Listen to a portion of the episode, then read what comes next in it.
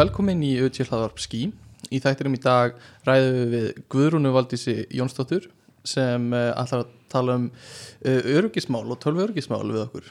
Já, hún er öryggisráðgjafi hjá fyrirtæknu Syndis og starfar við það allan daginn að brjótast inn í kerfi og aðalega þá heimasýður fyrirtækja. Já, það má eiginlega segja hún sé löglegur hakkari Já, í raunni og við förum uh, yfir víðanvöll, getur við sagt.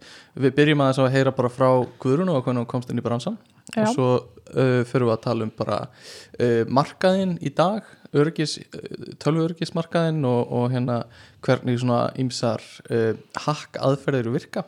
já, til og með svona mismunandi árásir, Mm hvernig þær eru gerðar. Förum síðan út í líka hvað við getum gert sem bara venjulegt fólk.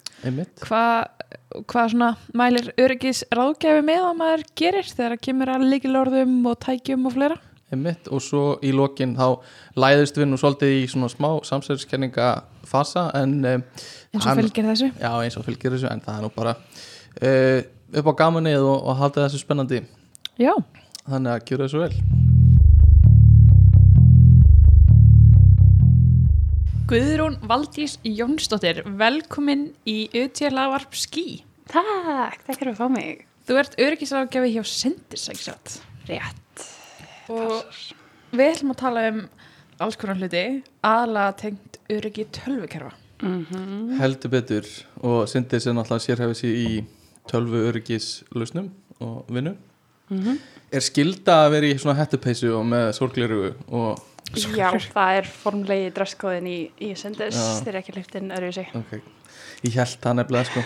uh, þannig að, að hérna við ætlum kannski fyrst bara að heyra eins frá þér og hvernig þú komst inn í senna og, og hérna hvernig svona kveiknaði áhugin hjá þér á, á örygjum og mm öryggjum tölvukerfum.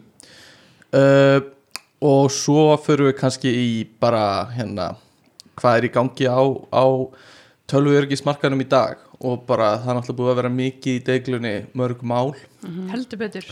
sem væri gaman svona aðeins að heyra, heyra hérna þitt hérna svona uh, uh, kannski ekki kommenta á að því þau eru mörg í gangi bara þá en, Já. en svona aðeins fá bara yfirsýn yfir hver í gangi Já, og svo líka tala bara tala um þetta mannamáli og kannski Mhm. reyna Já. að útskýra fyrir okkur, eða aðalega fyrir mér, hvernig það virkar. einmitt, einmitt.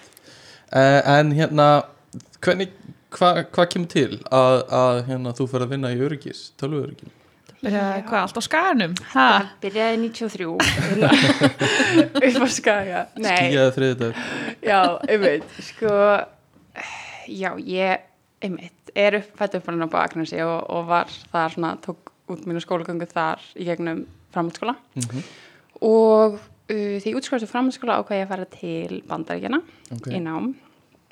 Og uh, ég sótt um í einhverjum skólum þar og það sem ég fannst svolítið næs var að maður þurfti ekki að vera búin að ákveða sig hvað maður vildi vera þegar maður er stór.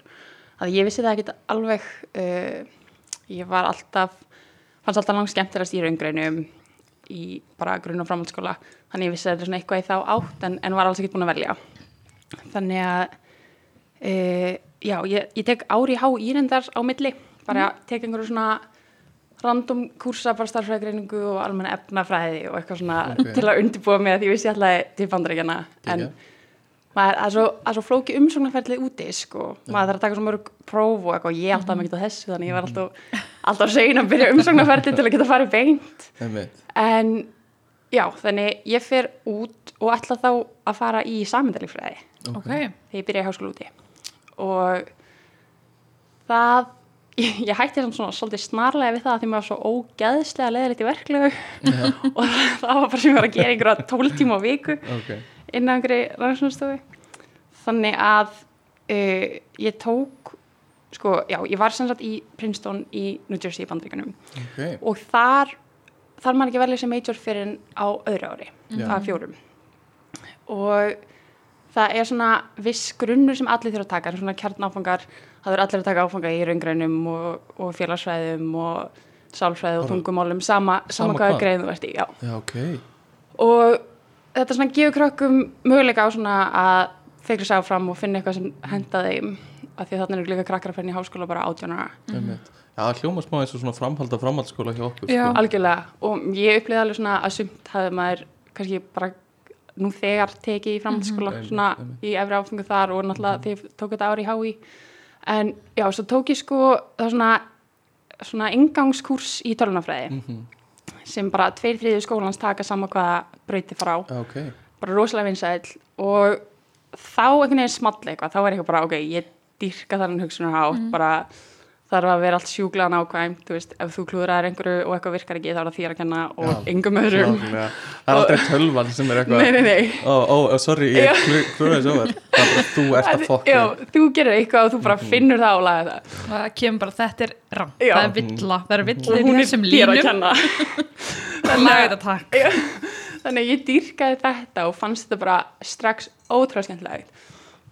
Þannig að þetta var á setni önn og fyrsta ári Mhm. þannig að um sumarinn á Íslandi þá var ég bara heyrði, ok, þetta, þetta langar mig að gera ég ætla bara að fara út í haust og bara velja tölunafræði því að þá velum maður hérna fæði sitt ég fyrir út haustin eftir, uh, fyrir út aðeins fyrr að því ég var í fókbalta líka. Þannig að við mættum alltaf mánuði fyrir á campus. Og ég veitir námsrækjaða mín og segi, heyrðu, ég er búin að ákvaða að ég ætla að skipta ykkur í tölunumfræði. Og hún segir, ég og nei. segir hún Það er nei. Ég er Ha? já, já, já. Þá að því, þetta er svona smá eitthvað illusion að því að þú færð að velja öðru ári en þú þarft í sumum deildum að vera búið með einhver undanfara Mm. og þarna var ég bara búið með hennan eina en til að fara í tölunafræði þarftu helst að vera búið með að minnstu kosti tvo áfanga þannig að hún segir ekki getið ekki að því ég muni þurfa að taka tvo áfanga á haustuninni Mhm. samlega því að vera hérna í fótballtímabilinu Mhm. hún segir bara þetta er ekki hægt. Við myndum aldrei láta neitt gera þetta. Við mælum ekki með þessu.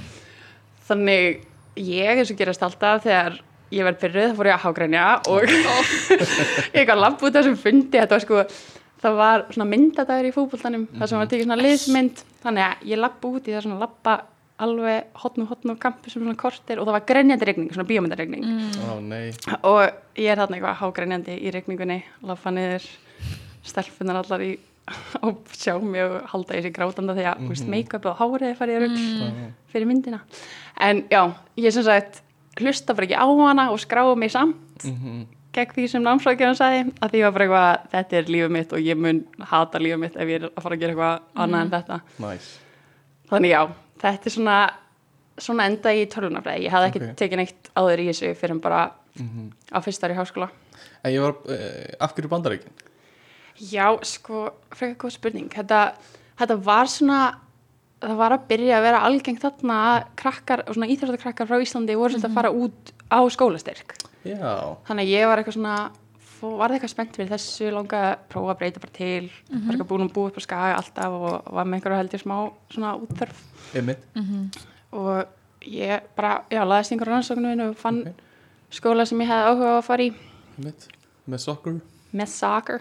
Nice, og, og, svo, og sóttum þar og hérna, já, gekkja en já, þá ertu komin í tölunafræðina Já, Þannig að þetta hóf, hófst eða? þar hófst þetta sko svona, veist, þetta var allavega svona held ég mjög mikilvægt skref í því að ég enda það sem ég enda í dag. Einmitt. og já, ég bara, ég bara gerði þetta sjálf. Hún fekk einhver, ekkert um þetta að segja. Fuck you Já. námsvarkjafi sem er enda í bandaríkjunum. fuck you.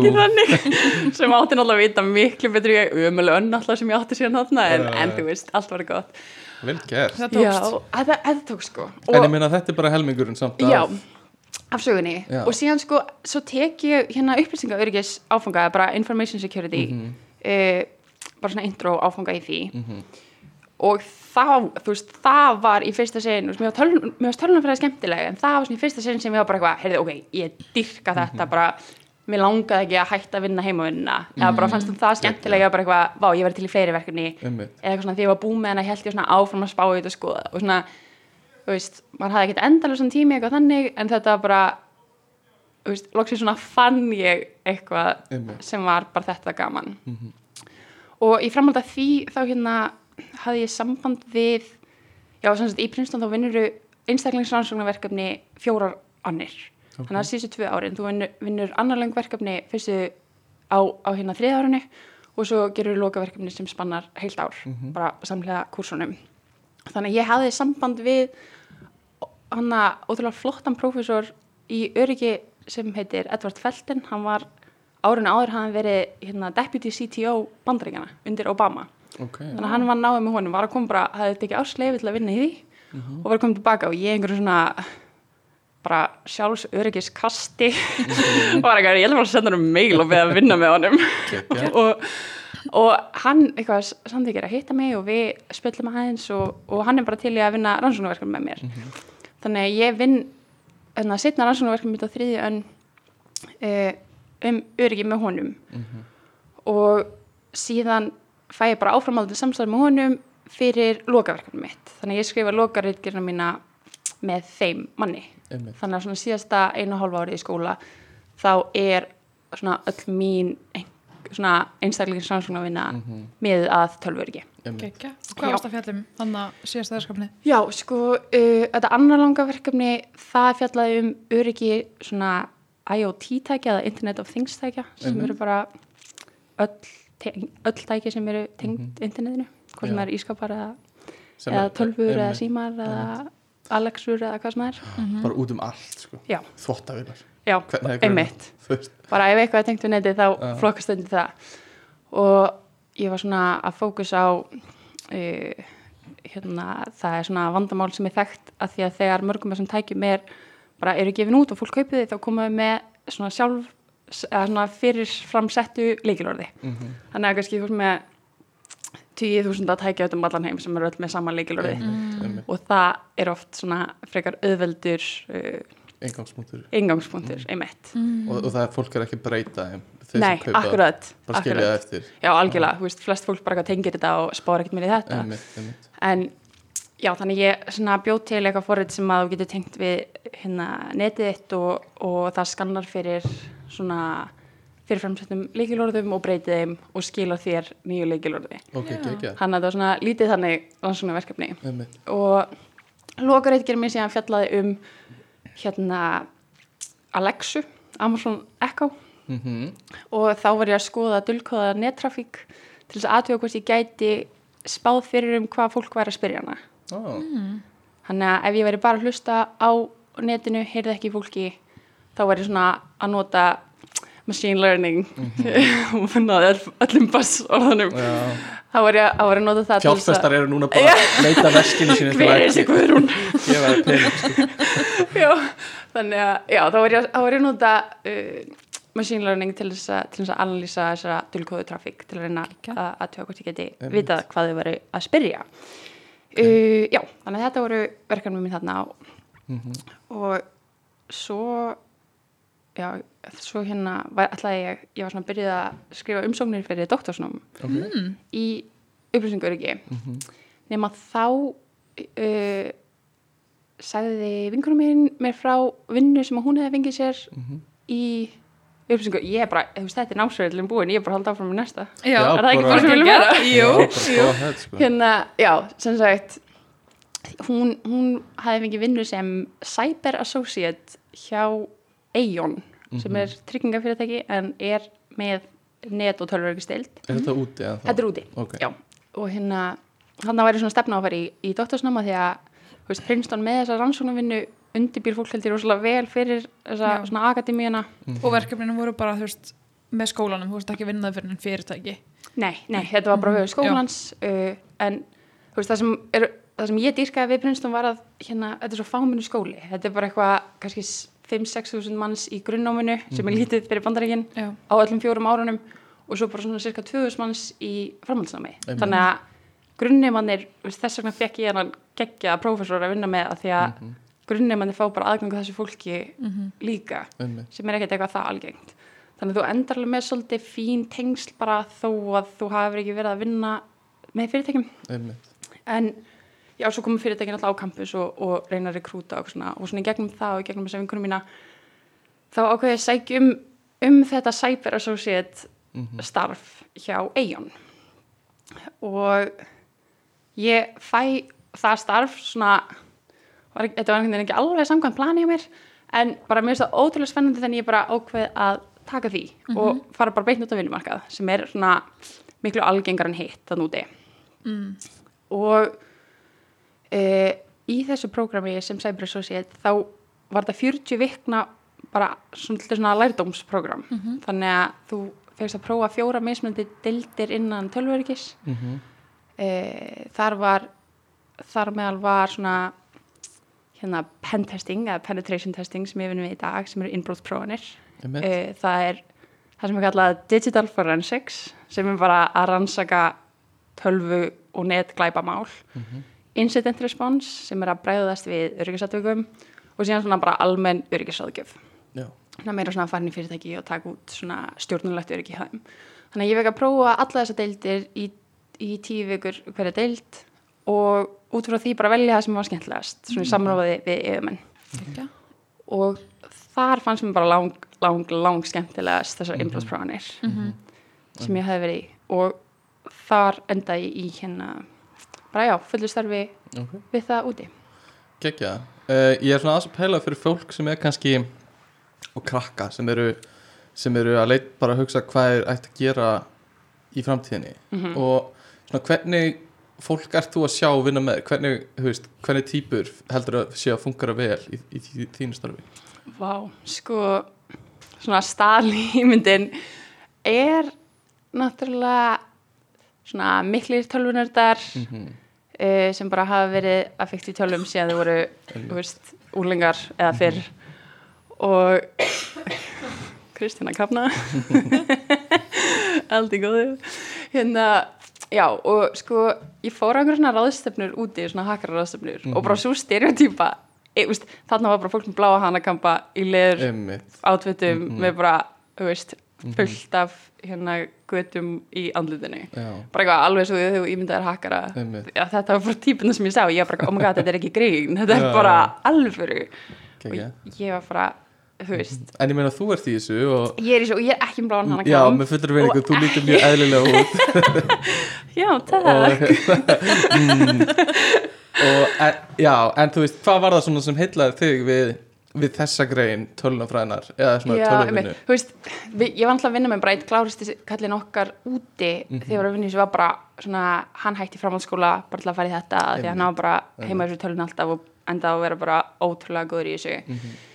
um, þannig, þú veist, maður var að sjá maður sér rosalega mikið af þannig alveg bara fólk sem hefur bara dyrka tölur síðan á tíu ára og mig, þú veist, svona forsenda alls er bara forvitni líka Einmitt. og smá svona þrjóska En fólki sem er í náminu, þú veist, voru þau fjölbreytt? Já, þau voru fjölbreytt en, en námið fýtaði ekkert sérstaklega inn í þannan geiran eða Nei, Nei. ok. En þú varst í tölunumfræði með og varst, varst á sjálf með áherslu Já, svolítið þannig bara, Við vorum nokkru krakkar sem voru svolítið mikið að vinna í mm -hmm. þessi rannsóknarverkefni og eitthvað í þeirri deild en alls ekki alls ekki almenna, en svo voru náttúrulega að koma í gegnum þetta prógram var að koma meira af bara venjulegum krökkum í gegnum bara háskóla En ég, ég myndi mér svolítið að þessi grein sé svolítið svona praktísk og þetta Mhm. er hands-on og þú veist í, í mörgum tilfellum ertu bara sjálf að hakka eða þú veist Algjörlega. Mhm. reyna að finna út og kom, brjótast inn í hérna inn í kerfi og Já, sem mér finnst hljóma bara svolítið spennandi já, þannig að ef einhver er að velta fyrir sér uh, einhver grein tölunafræðin sem gæti verið eitthvað svona fútt í Mhm. og minna svona þú veist, sitja bak við einhverja bókahillu með rík á frakkanæðinum og eitthvað svona, þá er þetta actually, Í frakka já, þá er þú veist þá, er, þá hljómar þetta eins og svona þú fara að leika með tækin og þú Já. farð að, þú veist, pota inn í eitthvað sem þú ættir kannski ekki vera að pota í eða eitthvað svona. 100% og líka bara að vita að þetta sé til sem starf þú veist, þegar ég var í háskóla ég vissi ekki að ég geti bara unni við að vera hakkari Mhm. já, Þú veist, þetta nákvæmlega. hljóma bara feik Já, maður upplega smá Já, feik já. þetta er bara hérna er app eða heimasíða eða eitthvað, bara go at it. Bara gera því sem þú vilt, þetta er í hug engin sérstök uppskrift. Já, pældi því og það er einmitt, ég held að það sé mikilvæg punktur að þú veist, starfið þitt og að vinna sem uh, þú veist, cyber security hérna ráðgjafi, já. örgisráðgjafi þá ertu svolítið að hakka bara og þú fær líka bestaleifi til þess. já, Já. að einmitt færð bara eitthvað, farðu bara allar mögulega leiðir Já. til að komast inn í þetta það Bara. er geggjað sko. já, þetta er sem náttúrulega annars væri þú veist ólöglegt. Já. 100% og það hljó, sem krakki myndi mér örugglega finnast að hljóma líka bara fucking sick sko. Já. Já, og bara leysa erfiða gátur Já. allan daginn og skemmtilega sko. Bara og bara eitthvað Já. sem yfirmaður er að láta þessum gera og þú verður borga fyrir það þetta er geggið að dýl sko Svo eitthvað svona, já, og svo endar ég hjá Sindis Já. kom til Sindis og ert að vinna þar núna? Já, í hérna, getur þú myndið okkur eftir á hvað þú ert að gera hjá Sindis já, ég er bara að gera eiginlega nákvæmlega sem hún segja núna bara, ég er bara að hakka tölvukerfi allan daginn, allan dag ég, ég, þannig að þú veist, þið eru bara með eitthvað ákveði fyrirtæki sem er viðskipta já, vinnur hjá okkur og þú veist, þið ykkur bara úthlutað eitthvað bara við viljum skoða veist, ég er fyrirtæki og Brian er að skoða vefsíðun okkar. algjörlega eða bara gera úttækt á öllu dótun okkar. Já. og svo bara farið þið bara, gefið ykkur tíma bara let's go, bara komst inn í þetta og svo bara, hvað, gerðið skýslur og kynningar? Já, þetta, já, þetta er bara þannig. Við erum ráðgjöf fyrirtæki þannig að við erum, við erum bara fyrirtæki ráð okkur til að taka út kerfin sín. Já, sem að mér finnst ótrúlega gaman því það gerir þetta svo fjölbreytt. Þú ert ekkert mikið lengur en þú veist, flest verkefni veist, ég er mikið að haka heimasíður og flest þau verkefni eru kannski svona tvær, kannski þrjár vikur. Já. Og svo er það bara búið og næsta tekur við. Og er þú líka, veist, að kynna þetta fyrir fyrirtækinni eða er það einhver annars? uh, Nei, ég myndi gera það. Við sem sagt, já, svona ferli verkefnis ef það er eitthvað, þá hérna þá sem sagt, fyrirtækin bara hafa samband þau eru, oft er þetta eitthvað til dæmis, þau eru að gefa út einhverja nýja heimasíðu eða það er eitthvað svona ný vara að koma í þróun í, hérna, komur þróun hjá þeim og þá vilja þau svona, við förum yfir þetta áður en það fer í loftið. Einmitt. og þá svona erum við oftast að koma inn frekar svona seint í ferlinu, stundum erum við í þróunarferlinu líka bara að tala um bara einhvern svona eitthvað arkitektúr og, og bara hvernig kerfinu er skipulög en yfirleitt tökum við þetta bara út þannig þegar þau eru klár. Og þá bara hökkum við kerfin. Það er alltaf svona skilgreint það sem við kallum skóp eða umfang.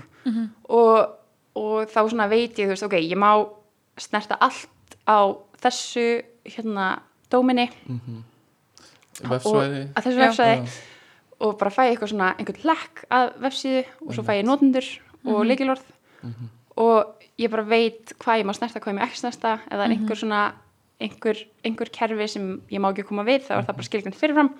Svo bara reyni ég allt sem ég get og kann og, og veit til þess að þú veist það getur verið komast í gögg sem ég ekki komast í eða, eða fá einhver, einhverja mjög skrýtna hegðun út úr appinu og hérna já, svo, svo bara þegar þetta allt er búið þá skrifum við skýslu ok, og oft, en ekki alltaf þá byrja fyrirtæki líka um að við, að við svona kynnum þetta stutlega bara niðurstöðunar einmitt. En komið þið eitthvað að því að laga kerfin eftir það?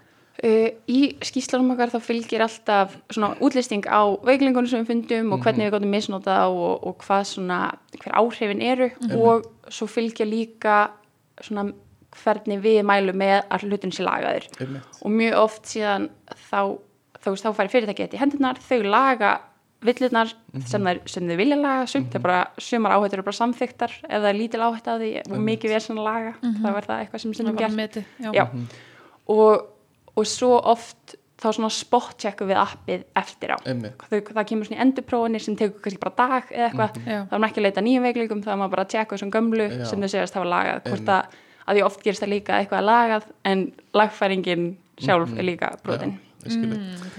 en e, þú hlýtur þá að þurfa að vera svolítið up to date skilur á Já. bara, á bara barmi þess nýju þú veist, nýju tækni sem hakkar eru að nota alltaf Mhm. það hlýtur að vera svolítið mikil endurmentun í gangi allan að kynna sér nýjustu aðferðirnar Já. eða hvað algjörlega, jú, og þú veist, það, þess vegna held ég líka veist, þetta er svona starf sem að þú ert ekki að læra í skóla bara allt sem ég kann í varandi innbrúsprófanir er bara eitthvað sem ég lærði í vinnunni Einmitt. hérna og úti Mhm. og þessi geiri er náttúrulega, hann breytist svo hratt Já, og svo mikið að það er bara svolítið mál einhvern veginn að halda í við það Einmitt. og bara nýjar tæknir sem eru að koma fram og þú veist þá einhvern veginn testa maður þær á allt annan hátt en allt annað og líka bara nýjir veikleikar eru alltaf að koma fram. Og eru þessi vinnustæðar með eitthvað svona knowledge sharing eitthvað svona þekkingar kunnáttu? Já, þetta er dreifingu. Sko, ég er náttúrulega vinn með ótrúlega bara kláru og forvitni og fróðlegsfúsu fólki. Mhm. og þú veist, þetta fer náttúrulega mikið bara gegnum slakki og við erum með rásir sem Já. eru bara tæknilega rásir sem að er bara á hverjum einasta degi nánast undtekningalust ef verið að posta inn einhverjum, einhverjum bloggum sem einhver var að lesa eða einhver, eitthvað nýtt var að koma fram eða, eða einhverju veikleikar voru að finnast þá er ég alltaf hendarna og Já, ég er með svolítið eina spurningu líka í viðbót. Mhm. tengdu þessu. Uh, bara uh, út frá lýsingun á starfiniðinu þá getur maður að dreigja það álöktun að þú gætir hakkað bara fólk og stofnanir í slæmum tilgangi. En Já, ekki? Bara þú algjörlega. hefur hæfileikan til Já, þess. Já, þú hefur getuna til þess. Uh, en þú kýst að nota hana á góðan hátt. Sem þýðir eiginlega að þú sért svona modern day ofurhetja að einhverju leiti já, finnst fólk ekki tala nú mikið um þetta, sko Mér finnst það fárálega lítið Ég er talað um þetta ótrúlega glið að komst inn á þetta En byrju, eru þið sett á eitthvað lista eða eitthvað svoleiðis? Ofurhetju listan Já. Já, hérna við Superman, Batman, Guðrún En eru þið samt ekki líka hætt, hættuleg? Já, það er einmitt það sem ég er hugsa. einhver listi yfir þetta? Ok, ekki svo ég viti, sko En þetta er alveg, þetta er áhverjum fæling Hvort ég sé bara eitthvað á einhverjum watchlist að ég Mhm. flýg til bandarækina eða eitthvað. Ég meina af því þú hefur þessa þekkingu Já, algjörlega. og bara fólk veit það og þú ert að vinna Já. við þetta Já, þannig að hérna uh, og eina sem er að stoppa þig er bara, þú veist, siðferðiskendiðin í rauninni. Já. Og lög. Og vil ekki fara í fangilsi Já, Já. svona eitthvað, eitthvað, eitthvað smá saman eitthvað veist. smottir í Er kannski lögin ekkert endilega up to date heldur Aldrei, þannig að veist, ekki, sko. alls konar sem maður getur komið fram hjá. Já, En kannski áðurum við fyrir dýbra onni og hendum okkur í öryggið Já, Já, hopp í hraðspurningar. Já, Oh God. það, það. Ætli það var svo barni Já, þetta er- Ef við drefndi alltaf um að fara getur betur að þetta er ógeðslega og eins og alltaf þá erum við búin að skilgrina eitt rétt svar. Einmitt, Og- og ég er mér út úr podcasti ef ég næði ekki En ég ætla að hendi í þetta. Ertu tilbúin? Ég er tilbúin. Og við byrjum núna. Android eða Apple? Apple, Útlitið er notagildi? Notagildi. Ertu morgunhanni eða náttugla? Morgun hanni Kaupa netinu eða kaupa í personu? Netinu. Bíómyndir eða þættir? Uff, eh, sem ég hvorugt en bíómyndir. Ok. Ef þú getur, getur gert bæði Keira eða labba? Kera, Hvernig tekur þú kaffið þitt? svart Uppáhalds orð á spænsku? Óla Tölvuleikir eða borðspil? mm, Aftur hvorugt sko Ok Elda mat eða kaupa mat? Kaupa mat Föstu dagar eða mándagar? Fyrst er Snjallúr eða heimskúr? heimskúr Eru sandalar og sokkar samþyktir? Nei, nei, nei Taka fund eða senda tölvupúst? uh, Tölpúst Eru hreindýr til í alvörinni? Já Ok. Go Ha? to, Nei, ég er ekki næst go to fréttamiðl. uh, New York Times Besta leið til að slaka á. Sund Loku skrifstofa eða opið vinnur í mig.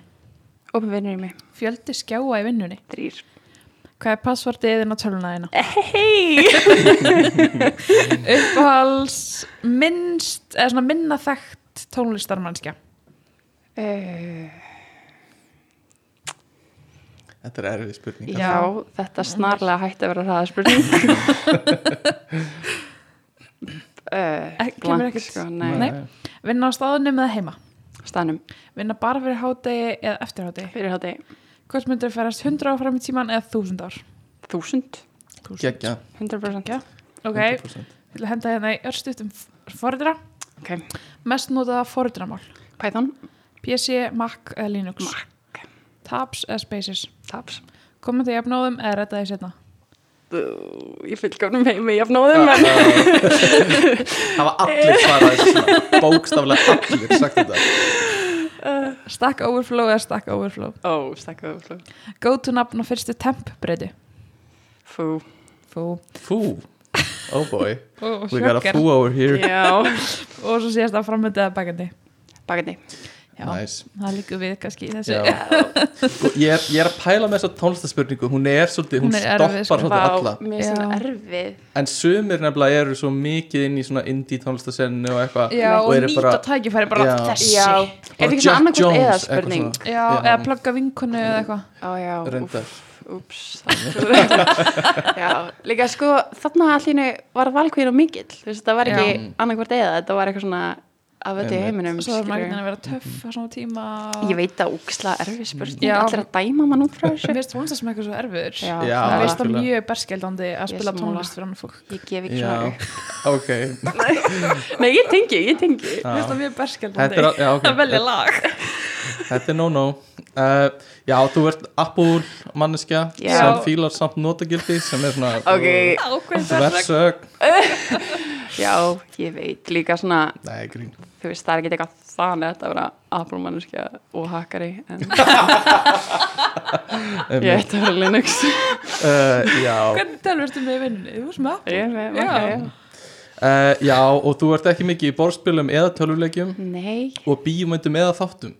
Já sko, ég er Hvað gerirðu þá? ógeðslega tapsár. Að ég bara á erfitt með að Ah. spila spil. Ok, ok. Og einhvern veginn hef aldrei, þú veist, náð Nei. ég fór reyndar sko að lana með strákunum um daginn en vinnunni? fyrir, fyrir, í vinnunni, það var hópefli í vinnunni og við ákvæm frá lana Grjóta mér er aldrei Fíla. liðir out of place á æfinni við fórum á hana arena Já, nýja í, í törnum í snill. mjög flott það, sko Mhm. Liggja. en já, ég, ég veist, mér finnst svo leiðileg tilhugsun við að spila. Þó, þó mér finnst það mm gaman þegar ég byrjaði á því en Skilur. ég verð svo brjáluð sko. Já, þetta er og líka leitin okkar heldur áfram að, að mánudagsmanneskinni Já, en mér er líka skemmtilegt með New York Times. Það er svona já, ég hérna ég hlustar rosalega mikið á podcasti þeirra. The Daily, það er svona Ó, að gefa mér næs yfirleitið fyrr það sem maður þarf að vita í fréttum. Hvað er það langt? 20 mín, Ok, það er bara svona svipað langt að hátíðisfrétt mæli með. Uh, Ok, og kannski til að loka þessu uh, Já, e e eitt sem sér fyrir þér gerast eftir þúsund ár sem ert spennt fyrir.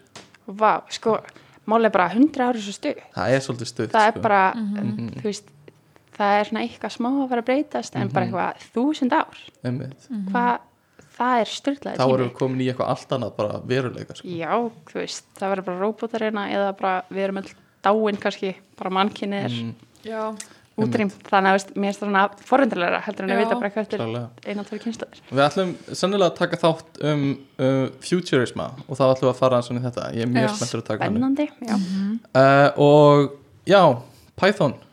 Er það go to? Er það það sem já notið? þú veist, við notum alls konar. Hérna, ég forundar rosalega lítið að staðaldri í vinnunni, en maður þarf alveg einstaklega sinnum að skrifa einhverja uh, exploita. Já, hvað sem það er á, á Íslensku, mér, mér finnst við verða að leifa okkur svolítið að nota anska, anska slettur í þessu þætti já sko. því að stundum bara skilst það ekki sko. Já, þetta er einmitt, við skrifum sko alla skýslunar okkar á ennsku því að þetta er bara, það- sko, Já, það. ég hef lent í nokkrum að þurfa að skrifa stjórnulega samantekt Já. og það er eins og okkar grín. Stjórnunarlega saman Já, sem sagt svona, tak, gera svona samantekt úr skýslunni. Já. Hvað er það á ennsku? Stjórnunarlega samantækt Úf, ég það- veit það ekki, þetta er svona að hugsa fyrir, já, já, já, já, þetta er svona að hugsa bara fyrir, einmitt svona ekki teknifólk og kannski Já, stjórn fyrirtækja. og það er ekkert smá erfitt að reyna að koma þessu frá sér á ístasku, það er alveg Líka samt fæðilegt. fyrir fólk sem á að taka ákvörðun um þetta þannig að maður getur ekki verið með þetta of einfalt. Já, þess að þarf að fara í smáadriðin til að taka ákvörðunir. Algjörlega og það gera er grein fyrir hættunni og þetta er alveg svona svolítið trikki partur af starfun okkar mm því að það er allt annað að tala við tæknumennar sem eru að vinna við kerfin alltaf. Einmitt og svo stjórnendur sem hafa kannski þú veist, þeir eru með fjármagnið og, og þeir taka loka að Einmitt. En allavega niðurstaðin er hikum ekki við að sletta í þessum þætti mjög gott Þannig að ég ætla bara að gefa og við Kristina gefum bara að leifa það Frábært. uh, Sko, hvað er í gangi síðustu daga og síðustu kannski mánuði Já. Af hverju erum við að sjá þetta svona miklu meira núna? Akkur svona mikið árásum Já. Einmitt. og þetta er mest hvað svona álags árásir og gagnatöku.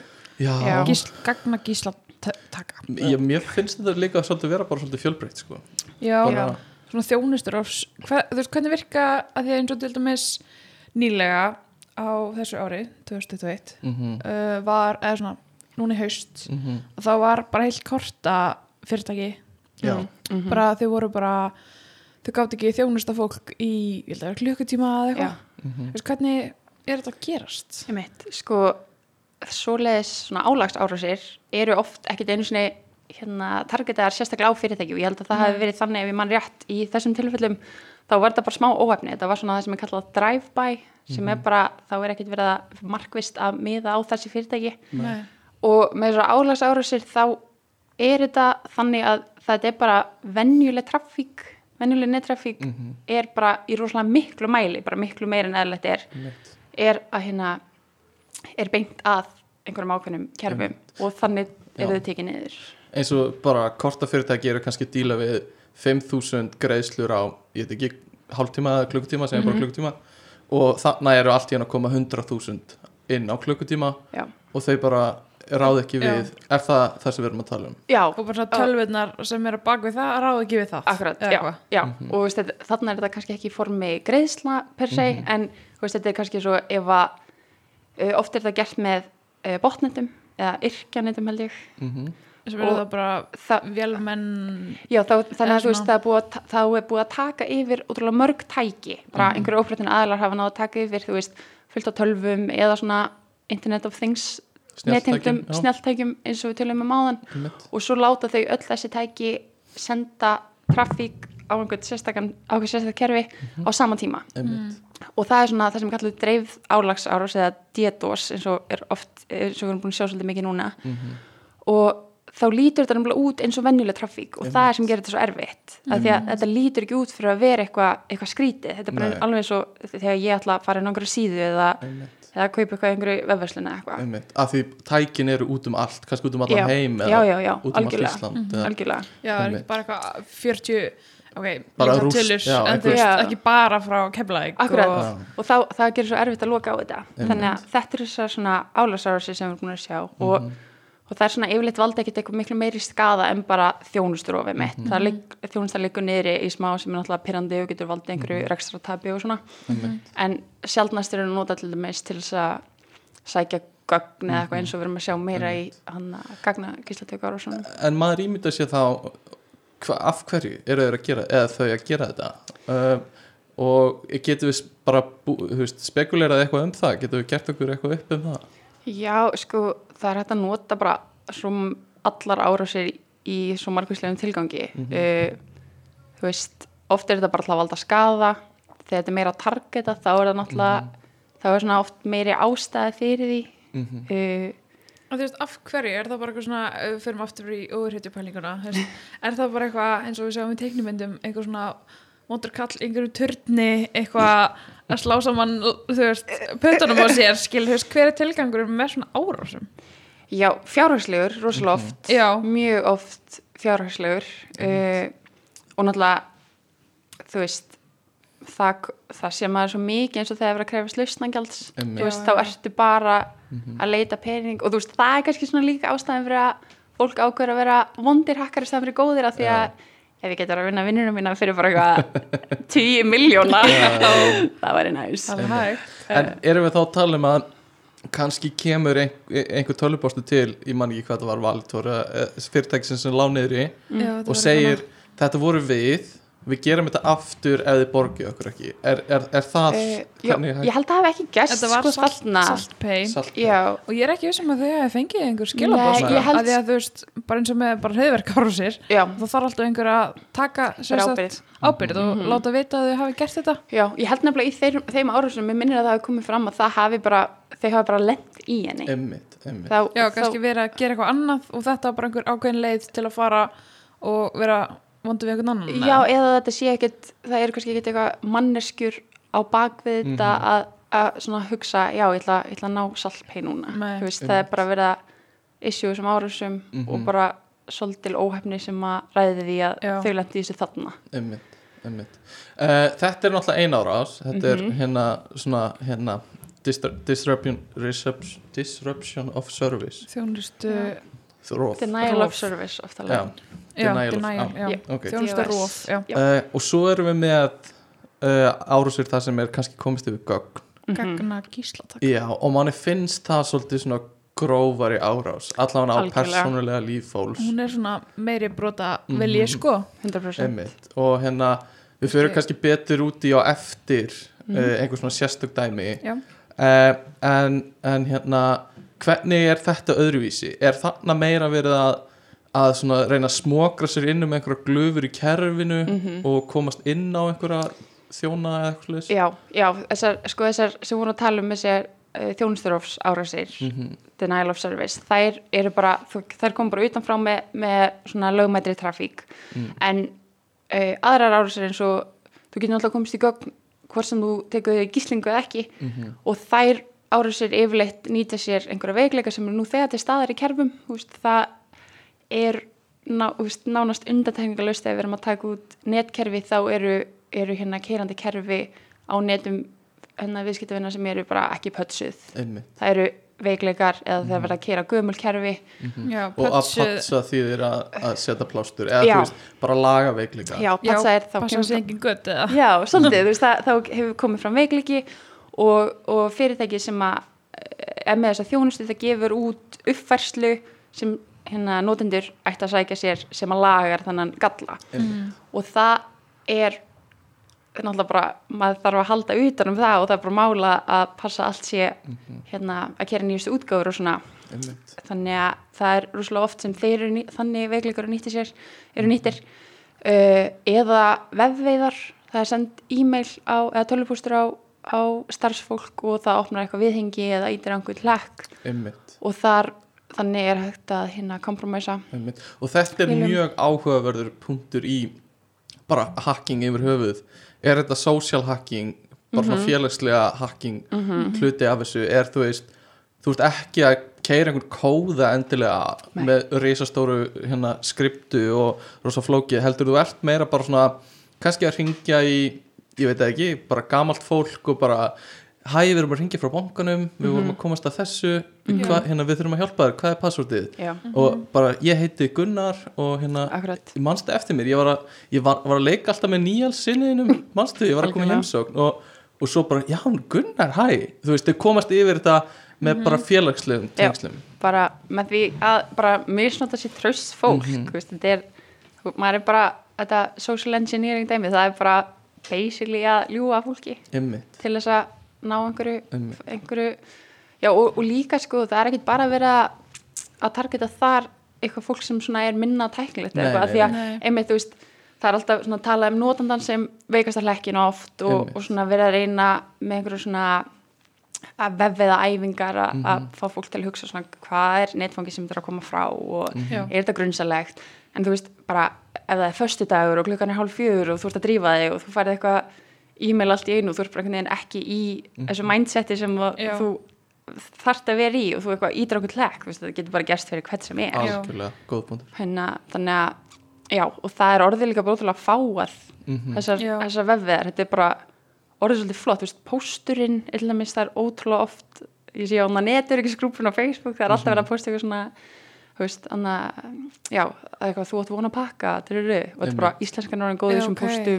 Já, þeir lítar umverulega út. Mjög góðar. Maður þekkti þetta ofta á bjagaður í íslensku sko, en það er kannski minna núna. Og svo Já. líka með þess að þetta senda þetta frá það er eins og ef einhver í, eins og hjá fyrirtækjum mm. hefur ítt á hlekkin nú þegar mm þá er þetta senda frá þeim Mhm. beint sko líka þannig að það kannski koma frá algjörlega. Og þú fyrir kannski á reisastur og vinnustað. Mhm. og það er mynda mannskinni og nafn. Mhm. þá ég lendi í svona í, í, í uh, þegar ég var í mentaskóla ekki hérna ekki einhverju svona brjóðast inn í kerfi heldur bara svona smá tengt svona social hacking. Þá var, voru einhverju nefndur sem sendu post á alla bekki í skólanum frá netfangi sem var uh, sem sagt sem er bara, já, Bjarni Kon at uh, gmail.com og konrektorinn okkar hétt Bjarni. Þau voru búin að búið til gmail account Bjarni Kón og þau senda á alla bekki skólans og sögðu bara þriðji B á núna verið stofu 6A og bara svona svissuðu öllum stofum Oh og my öllum bekkjum. Og það voru eiginlega allir sem voru bara ok, þá förum við bara í þessa stofu. Og fyrstu tveir tímanir þennan daginn voru bara algjört chaos í skólanum. Og, og það voru allir bara, já, þetta mega sæns Bjarni Konat gemur ja. og bara kvitaði undir Bjarni Konrektor og þetta var bara, þetta var svo vel executað. Já, en, en hérna smá svona sociopathic en bara Samt svolítið vel skemmtilegt gert. grín. og mér fannst þetta ógeðslega skemmtilegt grín. Já, uh, en hefði verið hægt að nota þetta í verri tilgangi sko. og þetta líka með, þú veist, að búa til svona trúverulegar trúverulegar netfeng til að senda Mhm. frá þú veist. við vorum ofta að sjá sko úti þegar við vorum að díla við svona þegar einhverju er lendi í, þá var oft búið ef það var M í orðinu, þá var oft þú veist, búið til nýtt netfang bara með RN í staðin af því að þó þú jackir þá er, lítur þetta bara alveg eins út í mörgum fóntum fyrir mannsögða sko. Góður þannig að það er allt, þú veist, allt, alls konar trygg sem bara Já. hafa farið virkilega að spá í þetta einmitt, einmitt.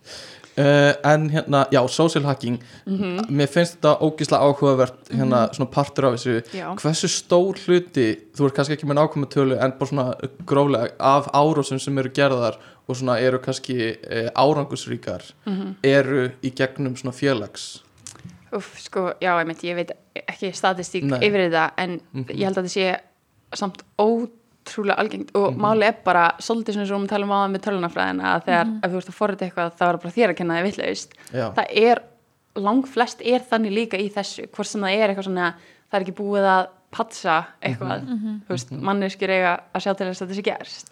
Er einhver sem ítir einhver hlekk eða viðhengi, þú veist, þá er þetta, þetta manneskinnar já, þannig að ég held að það sé rosalega oft eða, eða veikleikar sem eru, búin, sem eru til í kerfum þeir eru út af okkur. Þannig að þetta kemur náttúrulega alltaf niður á, á fólk bara. Er, já, ég get trúið því að þetta sé svona stærsti parturinn er hérna þessi mannlegi þáttur sko. Uh, en, en hérna e, hversu mikið er bara svona daglegur, venjulegur notandi í hættu? Já, það, sko. Og hversu mikið vilja hakkar að ráðast á Jón Jónsson sem er ekkit sérstakur gaur? Ég held svolítið lítið Mhm. almennt, Já. þú veist, ég er ekkit sérstaklega nájuð yfir því að það sé eitthvað ráðist á mig persónulega að því að það verður svo lítið upp úr því að hafa. Einmitt, bara þú ert alltaf að fara frekar að vilja ráðast á svona meðalstóra eða stór fyrirtæki. Bara þar er fjármagnið. Einmitt, þau verður líklega til að gera eitthvað í því. Einmitt. við erum alltaf búin að sjá veist, að vera að taka verið Instagram hjá öllum minna Já. í sumar þú veist, þannig er Já, verið að gera. En, en það er samt svo lítill peningur í því. Var, Mhm. var komið búið að finna hver gerði þetta þetta var einhver tyrkneskur hópur? Já, það var sérst verið að loka Instagram aðgöngum hjá svona samfélagsmiðla já, bara hjá áhrifavöldum. Áhrifavöldum, já, fólki sem vann við að auglýsa. Já, Mhm. og þau voru alltaf lindi að þau voru búin að undir samning þó við fyrirtæki. Já. og voru það ekki að standa við sinn part. Bara eitthvað mér var lofað auglýsingu fyrir svona mörgum. Og Já. þau eitthvað ég er bara ekki með svona marga fylgjendur Já. ennþá, þú veist það er útrúlega skrítið. Getur þú ímyndaðir hvað er að gerast hana? já, við við vorum aðeins að spá í þetta sko að því við fengum einhver, einhver símtöl um Mhm. þetta og það sem virtist vera var, þetta var, var alltaf skrítið að fylgjast með þess að því þeir, Mhm. þessi hópur var líka svo duglegur að posta á sitt Instagram, þeir eru alltaf eitthvað að Jón Jónsson, þú ert næstur þannig var eitthvað, ok, spennandi eitthvað, og svona eitthvað ó, þið haldið okkur sé ekki alvara sjáu þið bara, þetta var þetta var, þetta var svolítið svona, ekki fyrir greið fólki svo lendi í þessu, en fyrir Nei. einhvern utanakomandi, var þetta svolítið svona framfyndið og áhugavert að fylgjast það með er. Svona spennandi atbyrðar Já, þetta var ótrúlega fyndið, en sko þarna að því að það hefði verið eitthvað þetta áður þar sem að fólk til dæmis var ekki með tvíþátt auðkynningu á aðgangun sína og, og þeir kannski bara komist við líkil orður einhverjum leikum eða eitthvað, en þarna var þetta meira eins og þú veist, þetta var svona hálgerð uh, álags skástrík þjónustur árás að því það virtist vera að þeir bara notuðu fullt af mismundi aðgangum til að reporta þessa aðganga mm. og það verðist vera bara einhver svona einhver fjöldi af uh, bara eftir að aðgangurinn hefur verið hérna, tilkynntur ákveðið oft þá Einmitt. bara, þú veist, lokar Instagram honum sjálfkrafa Já, þú getur reporta bara ég Nóg- fíla ekki Já. aðgang það er Já. eitthvað að Já, því að það dugir ekki til að gera einu svona tvisvar en þegar þú komið með, ég veit ekki hver talan er þegar þú komið að gera nógu oft þá bara lokar Instagram strax að því hann bara, ok, þetta er eitthvað skrítin aðgangur ef allir eru að reposta hann Mhm. og þá tekum við eitthvað svolítið leðilega langt ferli að fara í gegnum Instagram eitthvað að ég er sem ég er, taka mynd með aukurskipturniðinu og senda þeim og tekur þau tvör vikur til að svara. Þannig það virtist fyrir sem var að gerast sem var svolítið Já. pyrrandi líka því það var ekki svona hægt að vera eitthvað gerðu þetta og þá ertu örugur það var bara Og það er ekkert. meira sér að þá bara ennþá hægt að gera svona Já. þannig að það, já, ok, það er svolítið áhugavert Mhm. sko. uh, en hvað ok, en hvað eru þe þessi tyrknesku eða árásamennir hverju eru þeir að krefjast á núna Já, Eða báðu þá. þeim pening eða? Já, ég er hvað að ætla þeir reyna að gera? Við, veist, þeir geta ekkert laga þetta. Sko, það voru eiginlega allir sem fengu aðgangið sem tilbaka nema eitthvað eitt, tveir. Já, ég held að flestir að fengja og ég veit ekki hvort að þeir þurft að fara í gegnum Instagram eða hvað, ég veit einhverju gera það sko. Já, svo er líka margir Instagramarar í sumar bara svona, núna í haust sem bara slögt á sínum aðgangum í Já. tíma sko. bara til að komast hjá þessu. Já, af því það var ekkert annað sem þau gátti gert til að verja Já, sig. sem var bara mjög fínt En- fyrir bara þeirra andlega heilsu held ég og voru margir sem komið tilbaka bara eitthvað, ég er ný manneskja Örugglega mjög hot sko en jú, þetta var eitthvað skrítið því svo voru þeir eitthvað svona að posta sitt Instagram að að reyna ítundir einhverju sögursagnir um að einhver íslenskur áhrifavaldur væri að Já. ráða þau til að gera þetta þetta var svolítið drama sko. ég Já. en, en þannig er einmitt svona uh, markmið er eitthvað smá óljós kannski, þú veist, auðvitað Mhm. gæti þau krafist lausnagjalds og Einmitt. lofa þá að skila aðgangnum með eitthvað Mhm. en ef þú ætlar eitthvað að reyna að græða útrúlega mikið pening þá er þetta alveg potið ekki Nei, besta leiðin til þess. nei, uh, en við vorum líka að tala um áðan sko, þetta er rosa mikill svona köttur og mús leikur. Að, að hérna uh, semst, óprúknir glæpamenn uh, eru að, að hérna alltaf að reyna að finna nýjar leiðir Mhm. til að komast inn í ný kerfi og, og svo eru þið alltaf ég segi þið, en svona svo er fólk alltaf svolítið eftir á í, í hérna, já, komast þú veist, að vernda. Það Mhm. uh, þýðir þetta að veist, við getum alltaf búist við að verði hætta? 100% og við eigum bara að halda því veist, við eigum bara að lifa þannig að gera smá ráð fyrir því að, að hérna, gögnin okkar eru aldrei 100% Já, ég held að það sé bara algjörlega málið, Mhm. það er bara hættan er alltaf að fara að verða til staðar. Einmitt, uh, það bara hún er ekki að fara neitt. Nei. Hún verður bara- bara meira ef eitthvað er. Maður þarf líka bara að fylgjast með hvernig það þróast? Já, Einmitt. Þú algjörlega. getur ekki, ekki beitt alltaf sömu Mhm, svona varnar. Nei, einmitt. Og bara gert það ráðstafinni sem að þú getur gert einhvern veginn veist, mhm, maður veit að, að, að stór fyrirtæki eru farin bara að gera ráð fyrir einhver fyrirtæki til dæmis út í heimur er farin að gera ráð fyrir bara lausnargjaldi í hérna örgisbudgetinu sínu. Einmitt. Já, og ég sá hérna, ég held að það veri TM var að auglýsa Já, bara tryggðu þið fyrir tölvu áras akkurat, Ok, þetta er bara til fyrirtæki, bara auglýsing bara ég held að hangi upp á Hamraborga eða eitthvað sko. Já, það er komin bara net öryggis tryggingar núna. Já, Mhm. þannig að þú eigir efni á ef þú þarfst að borga út gagningilsatöku eða eitthvað. Já, það er svolítið áhugavert af því e, tryggingafyrirtæki eru svona freka þekkt fyrir að vera svona specific í orðalæginu á hvernig þú meiði þig og hvernig þú veist, þú missir símaðinu og eitthvað svona. Já, að þú veist, ef það kemur ára sem er ný og ó, hún er ekki tryggð af því við erum ekki að tryggja þessa típa af árásum já. Ég veit ekki, ég er bara að pæla Já, að, tölvu hérna, árás, þú kannski fer eftir, fer eftir litla letrinu hvernig, öruglega þetta sé ekki eitthvað tölvu árás er árásir. skilgreint en ok, við, við erum að tala um peninga líka í mjög stóru hlutu tilfella. Já, um, en bara ekki peningar heldur til dæmis völd og, og hérna Mhm. uh, áhrif eins og bara uh, eins og rússnes það er verið að tala um að rússar hafa haft áhrif á kostningar og, já, og svo er líka verið að tala um að 70% hérna á 12 árasa eru frá Kína Mhm. en aftur 70% af árasum eru líka til Kína hef ég Mm. heyrt sem er mjög svona fyndin statistík að það er mikið mikið overlap að gerast sem Já. tölvu er ekki þar um, en hérna uh, er, er þetta líka eitthvað sem við þurfum að hafa ágjur af og er þetta eitthvað sem þið hafið pælt í eða eitthvað svoleiðis eins og bara fyrir síðustu kostningar sem eru nýlega hjá okkur einmitt uh, Ég held að það var örglegi hérna, náttúrulega þessi áhrif hjá rússunum voru mest bara í, á samfélagsmiðlum. Það var bara að vera að dreifa falsfrettum og reyna að hafa áhrif á hvaða fólki myndi kjósa. Já, bara newsfeedið bara og algjörlega það er náttúrulega bara þekkt að það eru hakkarahópar sem vinna á vegum uh, ríkja sem er kallað, þau eru kallað nation state actors þegar bara þau eru fjármögnuð að ríkinu jafnvel Mhm. og bara vinna fyrir þau. Mér finnst það svo við fæ bara hróll að þetta heyra er klikkaður já, heimur sko. sérst, bara eins og vinna Kína slæmavinnu Já, já, já. vinna slæmavinnu á móti þá öðrum þjóðum Einmitt. já, yfirleitt. já, já. og, og það er líka sem þekkt það er ekki svona varnarsveit eru við Nei. ekki með einhver svona varnarsveit Jú, Sertís Já. já. Já.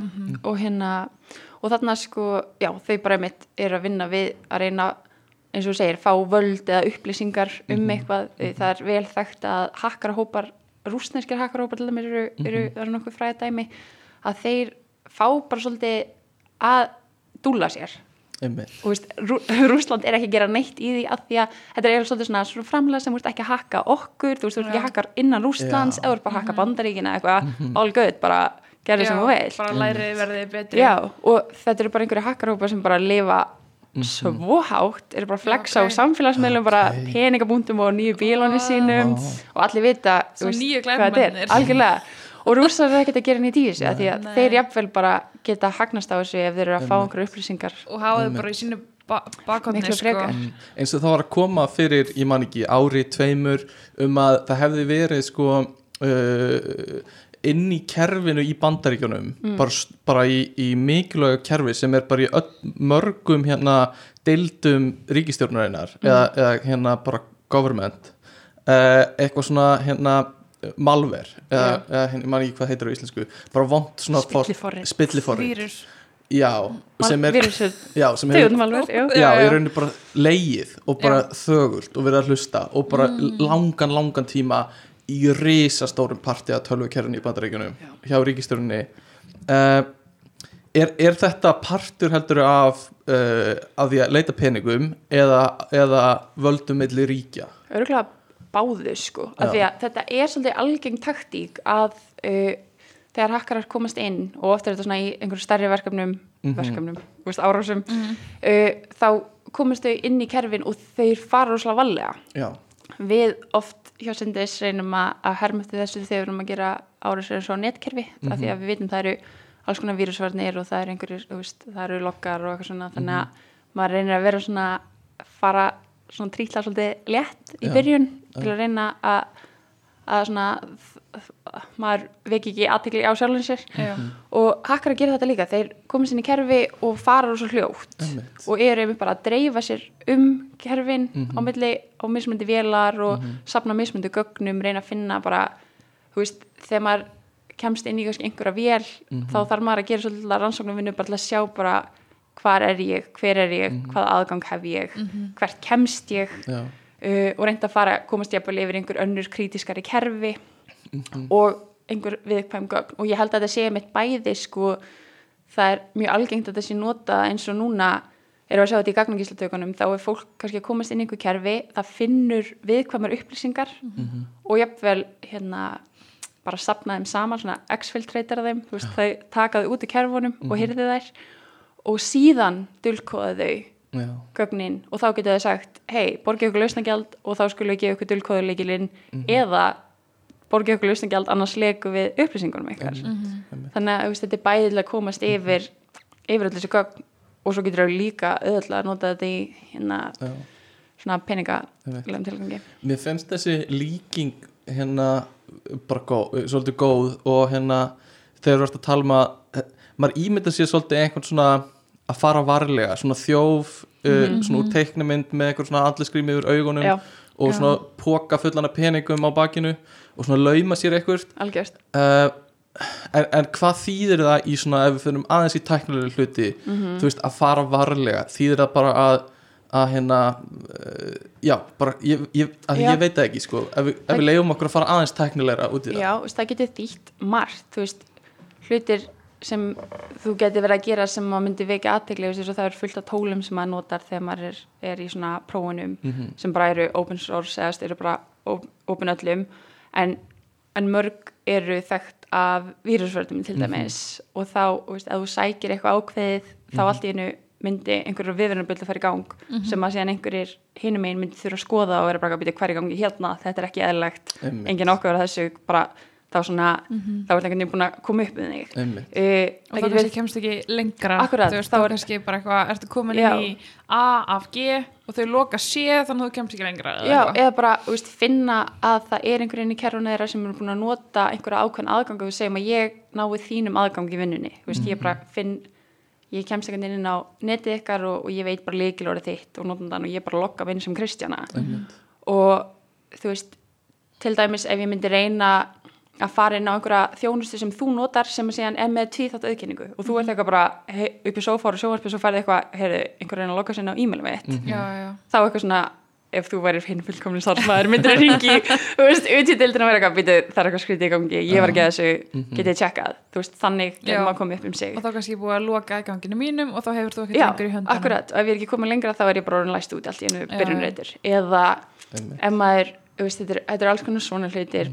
ekki Já, Já, það eru líka lokkar sem að skoða þú veist, ef verið að sækja einhver ákveðin hluti eða ef verið að opna einhver ákveðin þú veist, ákveðin hluti já, bara bókaldi yfir það sem erum að gera í já, kerfinu. já, Einmitt. og þá þú veist, það er rosalega algengt að þessi lokkar séu til og enginn er að horfa á þá já, þú veist það er enginn að skoða Já. hversu oft þið Einmitt. verið að lokka sig inn.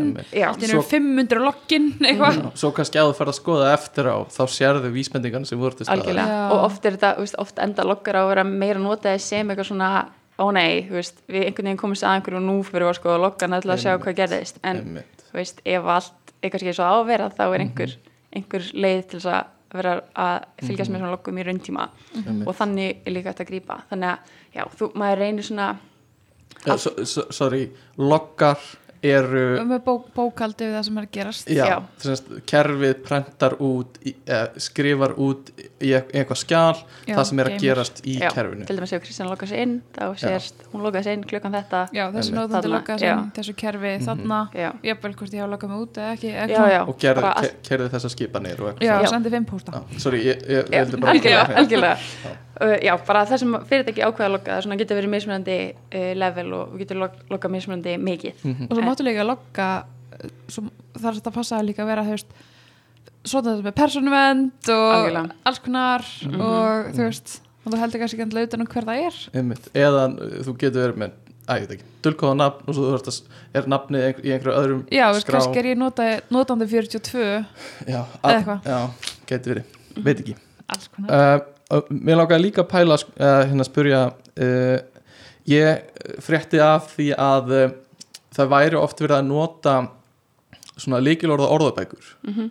er það ennþá eitthvað sem er gert? til þess að brjóta líkilorð Já, já, já, algjörlega uh, hérna, til dæmis bara mjög algengur partur af þegar við erum að hakka netkerfi. Mm þá reynir maður að sapna hössuðum líkilorðum og hass er bara það form sem líkilorð eru geimd á svona, þá getur fólk getur ekki hérna lesið og það er ekki hægt að, að ná svona venjulega líkilorðinu tilbaka Mhm. vel, þetta er svona aðeins öðru sem dulkóðin en svona, já og þau og ef að líkilorðið er lélegt Mhm. hvað sem það því er að mjög stutt eða veist, ef líkilorðið er sumar 2020 Mhm. þá er rosalega öðvöld að giska á það því að, fuck, ég þarf að breyta að því þá eru bara notað svona orðalistar Einmitt. yfir algeng orð og algeng líkilorð og svo, og svo ef maður finnur veist, ef ég sé að einn notandani með eitthvað vor punktur 2021 þá spæti ég þessu við orðalista minn og Einmitt. reyni það alla hinn aðgangana líka Mér finnst þetta mjög magnað uh, af því ég skoðaði einu svona hérna skoðaði einu svona orðabók. Og þetta er bara, já eins og þú segir, bara orðabók með fullt af algenguleikilorðum og eru kannski 10.000 orð eða 100.000 orð eða fleira. Og hérna ég fletti upp gömlum leikilorðum hjá mér. Mm og þau voru öll hana já, og uh, svo er ég, ég veist, taka fram, ég er lungu búin að breyta þeim. Þetta, er- fyrir mörgum árum. En hérna e- þetta var ótrúlega óþægilegt. Mhm. af því maður var með eitthvað svona þú veist, bara einhver orð úr, úr kannski umhverfinu sínu eða eitthvað svona. Og þau voru öll á sem lista uh, og hérna og, en svo þú veist, prófaði líka einhverja variationer á þessu, stórstafur hér og, og Já. lítilstafur hér og bæta við tölum og eitthvað svona sem eru örgulega algengast einn fyrir aftan eða upprópunummerki eða eitthvað. Uh, en mér finnst þetta bara svo óþægilegt. Já. og þessari orðabækur eru bara stækka. Og en hvað hérna hver er svona þín tillaga fyrir líkilorð og líkilorða varðvislu hjá fólki Mhm. á það að nota hérna svona liklakippur eða ég veit ekki hvað ég kalla líkilorða svona- auðkennis já, já, sko það sem ég geri Mhm. fyrir mín er að ég er með svona uh, já, hvað er það kallað svona uh, svona þetta er svona forrið sem já. að geimi líkilorðið Já. þannig að þú er bara með eitt Einmitt. Gott líkilorð sem þú þarfst að nota til að komast inn í þetta forrið Mhm. þannig að það er bara eitt líkilorð sem þú þarfst að muna og inn í þessu forriði getur þú geimt alla aðganguna eina Já. þannig að þar geimir þú bara eitthvað uh, já, gmail mitt og þá Mhm. er notandanafni mitt þar og svo er líkilorðið þar. Þannig að líkilorðið mitt getur verið bara eitthvað 30 stafir og bara eitthvað rugl sem ég hef ekki sen svo að minna. Uh, það er einlega til að gera þetta. Og ég vil ekki plugga neinum eitthvað svona officially.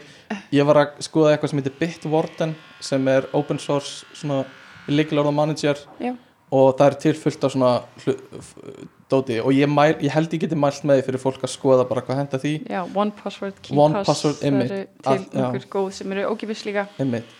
Og mér skilst á öllu og öllum að þetta sé eitthvað sem væri sniðið til skoða. Já, þetta, mér finnst- þetta útrúlega gott að ég maður sér líka þegar maður byrjar að halda utan um aðgangarnir sína svona að maður er bara með svo marga aðganga. Einmitt, þannig að þetta er líka bara góð leið til að vera ekki að- nota sömu líkilorinn á mörgum stöðum. Að því að aftur aftur, já. Já, nota sömu líkilorinn á mismunandi aðgangum því að það er líka, ef að einu er lekið þá það alltaf komist hann á hinna uh, Hvað ertu að skipta oft um leikilorð? ég skipti sjaldan um leikilorð Já, ok. uh, það er svona alveg það er svona ekki alveg samræmi um það hvort það sé eitthvað besta því eins og mörg fyrirtækir með svona 90 dagar pólisíu Já, við erum með á Já. sem gerir það að verkum að í sumar var ég með passvotið tjald 20 vagn Já, og, Geggjað. og þú veist það sem að gerist ég var bara, það er sumar, það er útilegur. Já. og svo var ég með, þú veist, um jólinn var ég með appels, nei, ég var með mandarína 40, skilur við, veit. það var bara borðinu mínu. Já, og líka veist, þetta, þetta hviti fólk, veist, þannig þarf fólk að vera að breyta líkilum svona þryggja mánu fresti og hvað, maður er ekki með endalust ímyndarafl og þetta, Nei. ég held að þetta valdi þessu ofta að fólk er eitthvað svona með, þú veist, hérna nabassi síns og fæðingar ára eitthvað og svo bara bætið við einu Ein- upprópunamerki og hverju einasta skipti. Nafnuna kettinum eitthvað, því þú ert líka að skrifa þetta alltaf þú ferðin í tölvuna. Akkurat, þannig að þú veist, eins og mörgum í örgisbransunum finnst mega miklu meira sens og sér bara með gott líkilorð, Já. langt líkilorð Einmitt. sem er erfitt að giska á. Já, og hérna noti það bara og Þú veist, en það, það það er er- erfitt að treysta fólki það er erfitt að treysta fólki, það er það nefnilega. algjörlega. Og já, líkilorð sem við krökkum er alltaf bara eitthvað Tottenham 52 sem var eitthvað, ok.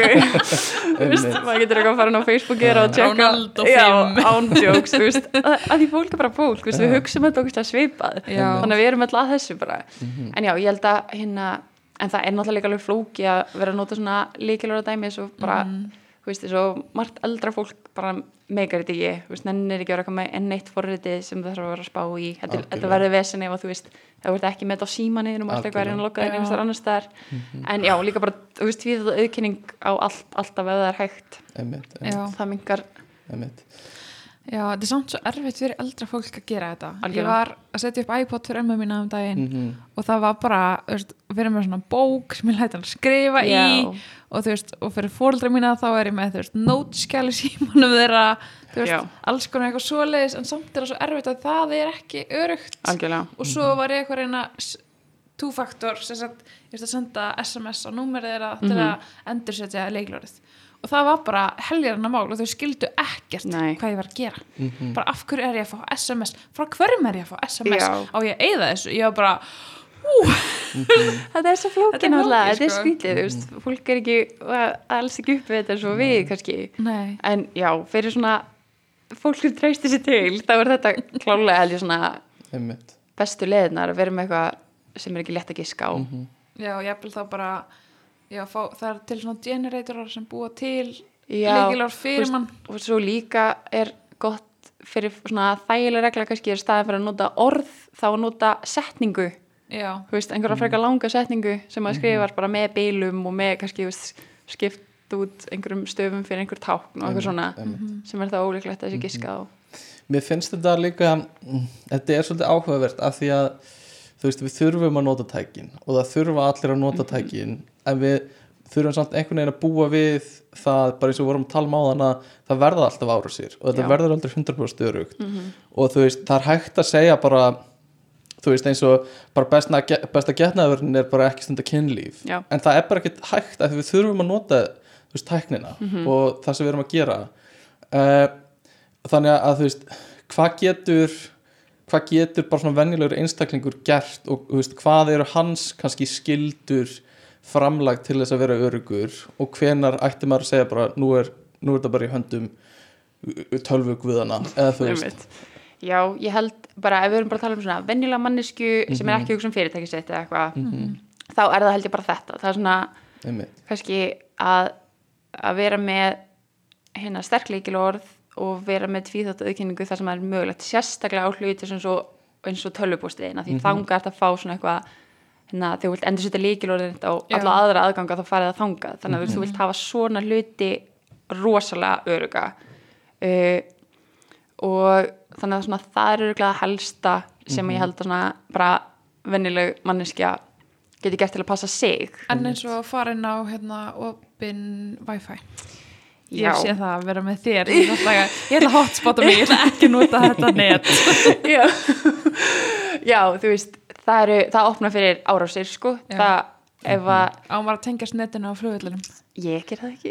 En, veist, er það vegna en- en þess að er- þú ert í vinnutölvu uh, eða að þú ert að opna vinnugögn eða bara er- fyrir þig persónulega. Sko bæði. Ég Já. myndi aldrei gera það á vinnutölvu. Nei, það er okkur ef ég maður að hlusta Ég hef aldrei gert það.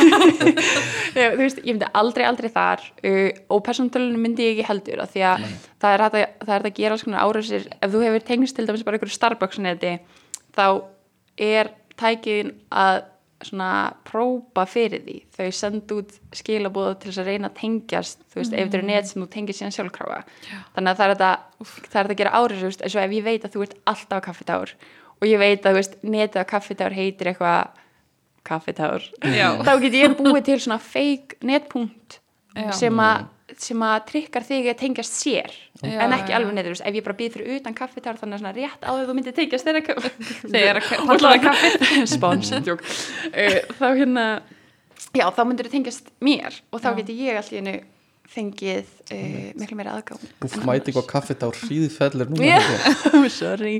Hvar ferðin á hérna engabankaðin? hvar fer ég inn á hann? Þú veist, ferðu inn á því vinnutöluðinni eða bara, þú veist, Ég, er það, þú veist, no-no að vera, veist, nei, ég hef farið þér á engabankan í vinnutölunum minni en ég, þú veist, við reynum eftir fremstamagn samt að aðskilja bara vinnu og hitt, ég myndi aldrei þurfa að gera neitt shady á vinnutölunum minni, því líka bara, ég, þú veist maður er með kögn á henni sem viðskipturinn eiga og svona þannig að maður fer alveg ekstra, ekstra, ekstra varlega þar. Þetta, þe- þessi umræða hún daðrar svolítið við svona samsæriskenningalæp já, já, sem og, en, algjörlega. en ég held að eigi alveg rétt á sér. Eða þú veist allt sem við maður er að segja að þú veist þetta er alvöru ógn já, algjörlega þú veist, þetta sem, allt sem við erum að tala núna er eitthvað sem að ég og vinnufélagið mínu nota bara nánast í hverju viku. Einmitt, Þannig að, einmitt, einmitt. þú veist, við erum náttúrulega að gera það í svona stjórnum umhverfum þar sem við megum vera að gera það. Mhm. Já, já, en eins og þú sagðir áðan bara allt sem ég ger í vinnunni geti ég alveg eins gert. Ef ég væri ekki með já, til þess. einmitt, einmitt. þannig að ég held maður, maður verður sjúglega nájaður á að vinna svona vinnu. Já, og við erum öll bara eins, þetta er algjör bergmálsællir og við erum öll bara veist, það er mikið grín um eitthvað svona tinfoil hatta og Já. samsæðiskenningar í vinnunni að við erum öll bara ég trúi ég bara mjög vel. En, en en málið við þetta er að það meikar sens já, já, já, En veist, það er, það er eitthvað bak við það. Þetta er ekki 100%. bara jörðinu flut þetta er, þetta er alvöru ógn Já, og ég held maður verði svo bara þegar maður er að vinna í þessu hverjum einsta degi í Mm. marg klukkum á dag þá verður maður bara svo þá er verður svo augljóst hver þessu Mhm. ógn er Einmitt, og þá svona verður þetta ennþá, ennþá raunverulegra einmitt. og þess vegna bara eru ákvarðanir sem ég hefði kannski tekið fyrir fimm árum Mhm, myndi ég ekki gera núna Einmitt. og, og já En, e, já. Ert þú, ert þú með hérna Alexu heimaður? E, já, Ok, ég er með Ok. Alexa okay. ég var bara að vita það. já. ok, já veist, já, ég var eitthvað svona, ætti ég að svara þessu En náttúrulega gerir verkefni um, Amazon Echo, þannig að, þú veist, hvað er Já, að, ég er búin að kynna þér áhættu og meta hana. Satt, já, þetta var á, eftir, eftir áhættugreininguna þá tók ég það að Einmitt. tilbúin að samþykja þá þá áhættu. uh, en það er, þú veist hversu uh, já, ég er bara að pæla maður hefur heyrt alls konar svona sögur um að veist, það, í rauninni eru öll gögnin manns opin bara ef einhver vill það nógu mikið komast yfir þau. Og hérna bara veldur á því að, að fólk hefur ekki áhuga á manni þú veist, og, og líka bara uh, já, bara það er í rauninni rosa mikið að samskiptunum netinu eru bara opin. Og það vantar bara öryggi í svona 80% 90% tilvilla uh, sem lætur manni líða svolítið illa bara, þú Já, veist, ef maður pælir í því og já, uh, hérna ég bara, hversu mik miklar áhyggjur þarf maður að hafa? Já, þetta er alveg, að- maður lendir í ykkur svona vonleysiskasti, sko, að því að það 100%. er allt bara veist, ég hef aldrei, ég veist, ég hef verið að vinna með þetta í rúm þrjú ár, ég hef aldrei skilað skýslu sem er tóm, nei, Þú veist, það hefur, alltaf verið eitthvað, náttúrulega, mér, veist, ég hef alveg skilað skýslu sem er kannski einn eða tveimur findings og þær eru svona við, við hérna röngum það sem við finnum eftir svona alvarleika og það er kannski lítill ok, lítil hætta sem fylgir þeim. Þannig að það eru lengur kerfi sem maður tekur út sem er erfitt að finna hluti og það er ekki mikil hætti á þeim. En það er, það er svona alltaf eitthvað saman hversu lánsótt það er. En já, ég held að þetta er eitthvað svona, jú, maður náttúrulega bara vonar að einhver sé ekki fara að ráðast á mann sjálfan Mhm. að því ef einhver vill að nógu mikið þá munar hann öruglega einhver staðar komast í einhver gögna því þetta er ekki eins og nei alltaf undir manni sjálfum komið Mhm. Nei, veist, nei, maður er kannski að nota eitthvað eitthvað kerfi sem maður þarf að nota algjörlega. bara fyrir einhver upplýsingar svo kemur, úst, eða kemur alltaf inn í ljósingar alveg veikleiki Mhm. í engabankunum hans, þú veist, Já, Hva- eða vinnu, vi, vinnustæð eða vinnust það, Mhm. þú veist, það, það er bara ekkert sem að þú persónulega getur gert í því Nei, nei, þannig að ég held að þetta sé eitthvað svona ég held að sé voða holdt að vera meðvitaður um hætturnar Mhm. og bara áhættunum sem maður er að taka Mhm. en svo á einhverjum tímumpunkti þarf maður bara eitthvað svolítið að sætta sig við þetta af því að, já, ef þú ætlar að taka þátt bara í heiminum, heiminum eins og hann er í dag Mhm. þá eins og þú sagðir áðan, þú veist, þú kemst ekkit hjá því Nei. að nota þessi tæki og tól og, og kerfi Einmitt. Já, það, ég, ég get alveg séð það sko. það verður bara að draga línuna einhver staðar á þessu sko. já, og svo svona, ertu kannski, en, svo ertu kannski aðeins stressaðri ef þú rekur eitthvað stórt fyrirtæki Já. með viðkvæmum gögnum Já. Þá svona hefur meiri áhugjur af þessu heldur en ef þú ert bara átt, ert með Facebook og, og það væri þá líka það væri annað eins og við vorum að tala um hvað getum við gert ef þú ert með fyrirtæki þá þarf það að gera meiri annað. ráðstafanir og kannski hafa samband við fyrirtæki eins og Syndis Mhm. eða önnur örgisfyrirtæki algjörlega, og látið taka út þjónustuna þeina já, það er, já, einmitt, það er eitthvað sem þú getur gert í þeim aðstæðum sko. Um, sko ég með það eru nokkur svona case og uh, eitt sem er í gangi núna og mér langar bara að tala um það persónulega Mhm. og ég, ég veit ekki að kannski getur þú ekki tjáðið beint um það en bara að því við erum í öryggistætti þá er eins og háar gagnuleikin Já. Sem var bara fyrir helgi. Gagnagíslu tökur já, já, gagna gíslatöku árasinn ekki fyrir helgi, heldur bara mjög nýla menna ég. Er ekki Háskólinni í Reykjavík. Ég er starfsmæður í Háskólinni í Reykjavík. Mm uh, þannig að þetta eru þú veist uh, þeir komist inn á postjóna já, Þau, þau og þetta, þetta er allt þetta er allt eitthvað sem hefur komið fram í fréttum. Já, ok, Um, já. og þau komist inn á postjóna og náðu að, að þú veist, verpa einhverju ekki þar einhverju svona spilliforriti um, og komist yfir gögnin hjá skólanum. Og eru núna með þau í gíslatöku og eins og ég skilda þá vilja þau fá einhver pening fyrir það. Mhm, Tölvupóstgögn, sér það? Tölvupostgögn hjá öllum starfsmönnum. Já. og ég er starfsmæður í skólanum. Já, sérst, bara athr punktur. Já, bara Is. ekki nefendur Já, nei, það er gemt annar staðar. Ok. Nefendur eru örgir sem er mjög gott en þetta eru starfsmenn. Ok, uh, þeir eru sennilega þau eru sennilega með tölvuposta frá mér uh, og, og bara öll að líkindum Uh-oh. ég gerir ráð fyrir því sem mér er alveg saman um að því ég nota þetta tölvupost fanga ekki mikið Mhm. en eh, þetta er bara svo ég get svo rétt ímynda mér hvað hérna hvað margi prófessorar er að svitna núna. Já. og, og bara margi starfsmenn og hvað þeir hafa undir höndunum og hvernig var hérna upplýsingagjöfin til ykkar mjög góð, starfsmanna? Já. mjög góð sko. Mhm. og, En og að hvernig kemur maður HR svona frá sér þannig að fólk fari bara ekki alveg í maður það líka, þú veist, kannski að koma sér rétt frá sér þannig að fólk Mhm. fari ekki bara í sjokka eða eitthvað 100%. Já. Einmitt, Þú veist, e- og hver er titillin á, á hérna á tölvupostinu bara, ég skal bara fletta því upp en bara eins og Guður, við vorum að tala um þetta áður en við byrjum að taka upp Mhm. og bara segja, þú veist uh, ég held við séum sammála það að HR hefur staðið sér vel rosalega vel já, einmitt, í, í hérna eh, bara fréttir af upplýsingagjöf, fréttir af tölvu árás heitir tölvupósturinn Já. ok, hætta á leka Mhm. og sem það er það er Já, sem Já. það er og hérna, það er núna hætta bara á öllum tölvupóstum verði leikið Mhm. semst frá hjá starfsmönnum ég er ekki að segja að muni gerast en það er hætta á því Mhm. og þá mögulega á bara formi þess að það er mjög auðvelt að fletta upp líkilorðum, mm Mhm. ekki líkil, ég meina uh, gögnum, nei bara orðum, keywords já, Já. sem sagt bara svona engunir já, einhvernir nafni mitt Já. eða, þú veist, fá einhverjum svona hérna, leita einhverjum áfengum eða dæmatímakennari Já. eða eða aðal óvinniðin í áfanganum og viltu vita hvað einhver Já. eða eitthvað svona ef að það verður að senda það í pústi já, já, Mhm. ótrúlega erfiðar upplýsingar Já. um, jafnvel alvarlegri bara ef við komum, Algjörlega. vandamál eða bara- hvað sem er tölvupóstar um hérna mannin sem var rekin svona, eh, hérna lektorinn. já, Já. antifeminisma feministan, ég man ekki hvað hann heitir. Nei, við þurfum ekki að gefa hann Allavega. en, en bara það var stórt mál bara í fjölmjölin Algjörlega. mjög stórt mál sko. Og það, einhver upplýsingar um það getur komið fram. En, en hérna uh, við erum svolítið svona bara að varpa einhverju fram hérna Mhm. sem gæti gerst En þá er þetta vantilega bara allir póstar sem hafa verið sendir ever. Eða Nei, er, nokkur, er, ár, nokkur ár aftur í tíma Já, svo er þetta bara eitt sem eða, að vera á Mhm, þjónunum, já, mhm. fyrir eftir hvern, hvað er geimt og hversu lengi. Já. Mér skilst að þetta séu nokkur ár aftur í tíman En, Þetta var nú ekki fyrir mörgum árum. Þetta er svona þrjú, fyrir árum síðan. Mhm. um, en hérna þetta lætur mann líka hugsa þú veist, er þetta það sem við erum að fara að búa við? Já, Já, um, er þetta erum við ekki að búa við þetta? jú, jú, jú, Já. við erum Já. að segja það. Bara, er þetta eðlilegu hlutur sem við þurfum að díla við í framtíðinni? Já, og þú veist, er þetta eitthvað sem gæti komið fyrir stóru fyrirtækin? Mhm. já, að því eins og það hafa verið mitt bara núna í sumar og í vor þá komið fram bara nokkrir veikleikar hjá Microsoft Mm. uh, sem voru gerðir ofinberir sem að svolítið bara gáfu hökkur um þú veist, þeir bara vissu að þessum, að þessum veikleikum gáttu bara skanna póstuna fyrir þeim, þetta voru í Exchange serverum sem eru svona póstuna serverar. Einmitt. uh, að hérna já, að þá, þá var þetta bara svolítið svona greið leið í mörgum tilfellum fyrir árásræðila Einmitt.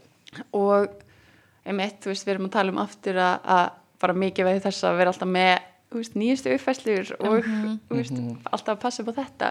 En ég held algjörlega svo Kristján segir ég held að þetta sé bara raunveruleikin sem við lifum með í Einmitt, dag. einmitt. og það sem veist að lýsa líka er held ég það sem að við erum að sjá alltaf meira og meira af í svona gagna kíslatöku árásum er að þú veist, hérna fyrir bara nokkrum árum þá var þetta yfirleitt bara eitthvað e, einhver vél síktist og þessi, þetta spillifórið kannski dreifði sér um einhverja vélar og svo bara dulkóðaðu gögn og bara annarkvæmst borgar eða ekki þá svona ef fólk átti afrit sem er svona það helsta sem er alltaf mælt með að fyrirtæki geri bara eigi afrit af öllu og geti þá, veist, ef allt er dulkóðað þá getur þau bara byrja frá byrjun en bara sótt afritin sem þau eru vonulega, vonandi nýbúin að taka og hafa prófað og bara byrjaði bara nýtt þaðan frá einhverjum svona punkti nokkrum dögum kannski aftur í tíman max.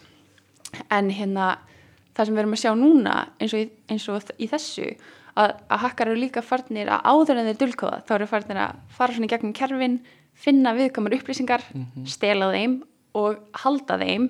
Þannig að þeir eru ekki bara að krefast lausnagjald svo þú fóðu gögnin tilbaka heldur líka til þess að þeir ofinbyrðið ekki. Og þarna er, þú veist, þetta er erfitt af því að þarna er svolítið búin að slá svona vopnin úr höndunum á fyrirtækjum. Þannig er ekki lengur nóg bara að vera með örug backup sem hún geymir eða örug afrit sem hún geymir annar staðar, þú veist, svo að, að því að hakkar er mitt líka byrju ofta að reyna að finna backup og eðalega þau. Uh, það er ekki nóg lengur að vera bara með afrit af kerfunum heldur þú veist hvað ætlar að gera? Einmitt. þeir eru bara með gögnin líka þannig að þú veist, það hefur yfirleitt verið mælt með að borga ekki lausnagjald. Já, ok. Uh, að því ég bara frekar er mitt þessu búin að tanglast á þú veist, nota afrit og, og eitthvað svona og það er ekkert alltaf auðvöldu prósessa afkóða hvað sem er þó að fáið leikilinn en bara þú veist, þau eru komið með gögnin núna líka. Algjörlega, ég meina við erum með þeim aðgang að tölvupústunum okkar skilur Já. en þeir eru bara með þá og bara algjörlega eins og þú segir sko uh, það búið að slá vopnin úr höndunum. Já. bara það, vörnin sem maður held, held að vera nóg er ekki nóg lengur. Og, og hérna, þetta er svolítið bara eins og hérna strínispúkin að þú veist bara ekki gefa hann matikli eða gefa hann viðbrögð að Já. borga ekki pening sko já, en bara, bara maður getur ímyndað sér bara ef að einhver prófessor til og með sem í HR er stressaður eitthvað komist út Mhm. og þá getur bara hakkarinn haft beint samband við hann og bara Já. hérna borgaðu ef við leikum já, þó að háskólinu ætli ekki borga Já. en þá getur bara haft samband við starfsmennina bara einn og einn skilur Akkurat. þannig að, að hérna, það er mjög erfitt orðið mjög erfitt núna sérstaklega. Mhm. þegar það eru svona margir veikleika punktar skilur bara fundi rétta prófessorinn til að poti Já. og bara já, að því þannig líka veist, það, þegar þeir eru með þessi gögn í höndunum þá, Mhm. þá þarf þetta einhvern veginn bara að vona það besta, þú veist, það er svo komið fullkomlega úr Algjörlega. þinni stjórn og það er heldur sem er svo óþægilegt við þessar, Mhm. við svona Einmitt, og, og það er svona þekkt svona kenning um, sem ég hef séð á netinu og hérna fólk að tala um er stórileiki sko. Mm. að það er svona sem segir bara að það er í rauninni óhjákvæmilegt að í framtíðinni mun stóru fyrirtækin uh, Google, Facebook uh, Apple eða, já, Google, Facebook kannski aðlega leka. Og bara í rauninni öllum samskiptum eða meiri hluta samskipta. Og þau mun ekki alltaf að gera það heldur að það verði bara gert Eða hvað? Ég- ég- ha, hvort að þau gera að Facebook dampi bara öllum gögnunum sinni nei, einhver ger, gera það fyrir þau. Já, já, já, gerir já, fyrir já, því já. Uh, í rauninni, já, bara komist einhver yfir, yfir þau og þú veist, þá er markmiðið sennilega ekki að fá lausn og gjald heldur, meira bara eitthvað svona uh, gera þetta bara út af því þau vilja gera þetta bara einhverju siðferðslega ástæðum eða bara fuck it attitude. Uh, en í rauninni að það verði öllum samtölum og upplýsingur leki á neti þetta er mjög svona fræg eða svona, ekki fræg, Jú, jú. en svona maður hefur heyrt þetta já. og og margir, margir lifa eftir þessu sko Já, og já. skilja eins lítið að geta eftir á netinu og þú veist, ég hallast alveg að þessu mér finnst það alveg mega sens þú lifir svona aðkvönu uh, þannig að þú Exposed en, en ég alveg svona Ef þetta myndi gerast þá væri ég bara ok Já. kem, kemur ekki óvart Já. í rauninni já, já, um, en hérna þannig að mér finnst bara, ég veit ekki ég hef kannski ekkert eitthvað svona ekkert eitthvað svona moral á þessu sögu. Meira bara svona fólk viti að þessu þetta er möguleiki og líka bara við lifum núna í þeim heima að þetta sé ekki eitthvað fáraleg hugmynd skilur Nei. bara, þú veist líka bara Facebook hefur lent í þjónsturofi og hefur lent í alls konar árásum. Uh, og það er alltaf að koma í ljós bara eins og með Microsoft þú veist, það, það er alltaf verið að gera árásir hér og þar og hérna það væri ekki út úr kortinu að leki eins og er bara í HR með töluposta myndi koma fyrir gagnagruna hjá Facebook. Uh, sérstaklega bara skilabóða þjónustæðara er náttúrulega ekki uh, upp á tíu fiska getur við sagt. Nei, uh, samt notu við hana öll. En hérna, já. sérst, Facebook er ekki með uh, rosalega örga skilabóða þjónustu. Það eru önnur skilabóða þjónustu fyrirtæki sem eru betri. Algjörlega þetta er út út úr en mér finnst það ógeðslega áhugaverður punktur eða svona saga með stóralega. Að Já. þetta mun líka bara opna samfélagið á svo Upp á gátt. upp á gátt. Þetta er, þetta er náttúrulega, þetta er ótrúlega óþægileg pæling. Ógeðslega. Að því, þú veist það er náttúrulega ekki neitt örugt í þessu. Það er bara ekkert örugt. Mhm. og það getur alltaf, veist, það þarf ekki nema einhver, það sem við kallum ódegi eða sírodegi sem er bara þegar það er fundin veikleiki í kerfi sem hefur ekki verið fundin áður. Uh, það þarf ekki nema eitt þannig sem. Einmitt. gefur einhvern mikinn aðgang að hvort þessu gögn eða kerfi eða hvað sem það er Einmitt. og, og hérna hvað, þú veist, spáði þetta því að þetta er ekki lengur bara eitthvað svona ég er að spjalla við Kristjánu og svo eðist það samtal þegar búið að því það á sér stað í raunheimum Algjörlega. hann er bara allt sem þú hefur sagt bara Klárlega. og bara, bara eftir hvaða sekund þú segir það sko já, já, nei, þetta er Og- þetta myndir rústa heiminum. Já, Já. en ef við lítum á björnstilliðanar ok. kannski Já, uh, verða einhver glæpamál sem verða upplýst. Mm, jú, jú. Komast yfir einhver gögn hjá einhver glæpamönnum. Uh, og svo er það bara undir mann sjálfið að vera ekki sjálfið maður vera ekki að googla eitthvað að, að skoða síðan að leita í þessu sko. Af því maður getur ef hvað finnst þér um Kristjánu Kristjana? Ef við bara veltum fyrir bara svona spekuleitum aðeins ef þetta verður sett upp bara í einhverju leitavél öll gögn er bara mjög leitanleg að þú veist, þú getur bara leita eftir nafninu þínu og fengi bara allar upplýsingar myndi maður vilja gera það? Ég veit það ekki. Þú veist, myndi ég vilja heyra allt sem hérna fyrirverandi vini mínir eða þú veist, ég myndi alls ekki vilja það en ég held ég myndi 100% gera það. Já, ég held Já. hann bara líka sko. Ég held það mm en það er því svo mannskemmandi sko. Já. En þetta, þetta en já, ég hugsa að þetta yrði smá eins og svona hriðverka árás bara eins og, næ, spurning Já, sko. bara eins og 9-11 skilur, manstu hvar þú varst þegar 9-11 gerðist? Bara manstu hvar þú varst þegar þú googlaðir sjálfa þig í gagnarleikanum eða þú veist, kannski ekki alveg þannig en bara svona, þetta Já, verður veist. þetta verður bara svona núlpuntur í samfélaginu going forward að öll samskiptin eru orðin ofinber vonast bara til að það gerist eftir okkar Mhm. tíma. Uh, já, þá heldur maður áfram líka að upplifa svona uh, sögulega viðburði ef þetta myndi gerast núna á næstunni.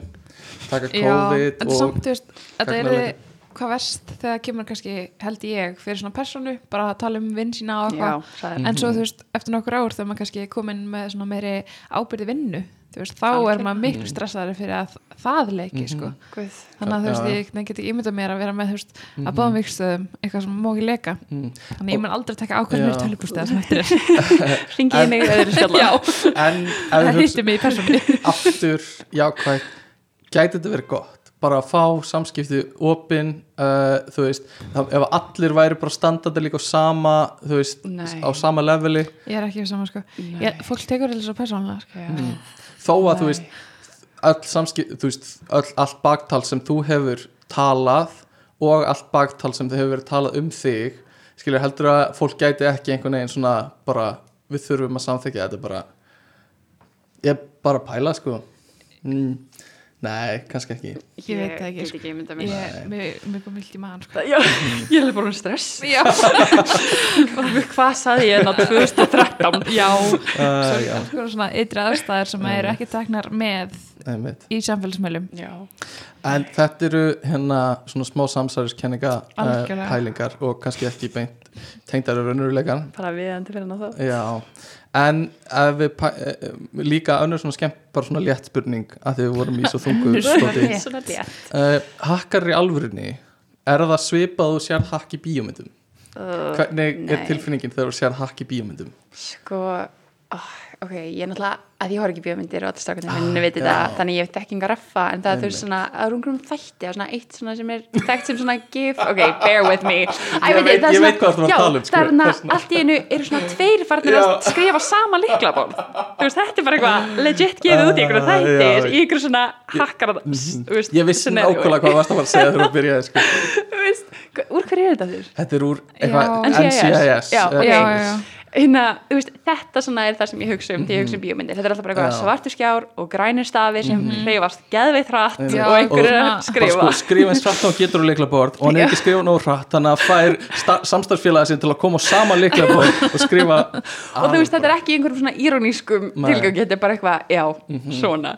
Einmitt. þannig að, nei, alls ekki að því að, náttúrulega, veist, í en það eru þetta nokkri þættir eins og hérna Mr. Robot, Já, ef einhver hefur áhuga á svona, þá hérna ég séð eitthvað að þeim, ekki allt en þar til dæmis sko tveira yfirmönnum mínum úti þeir hjálpuðu við að skrifa Ok. hakkarsinnur í það, Gekja, sjátt en þeir hérna, það eru óslega vel gerði þættir með ánum hann já, Rami Malik og uh, þar eru hakkarsinna frekar umverulegar sko. það er eitthvað sem gæti gerst í alvöru Einmitt. og það er svona sínt stundum eitthvað svona frá einhverjum fóröldur sem er að skrifa sem eru svona frekar legit já. og þau fara alveg djúft í samsverðiskenningar en ég meina byggjað á alvöru pælingu Algjörlega, og það, það held ég svona er, er eitt af þessum dæmum þegar sem þú ert eitthvað svona, ok, þetta svona kemst Mhm. einna næst raunveruleikanum með við einhver svona Algjörlega. hakkarabindir það sem að fullt, það sem þú tækið þig Mhm. kannski ár í raunveruleikanum er að gera svona á, á hálftíma og þeir eru eitthvað, I'm in. Setningin I'm in er besta setning I'm in, what do you want me to do? þetta segi ég alltaf í vinninni I'm in. I'm in baby.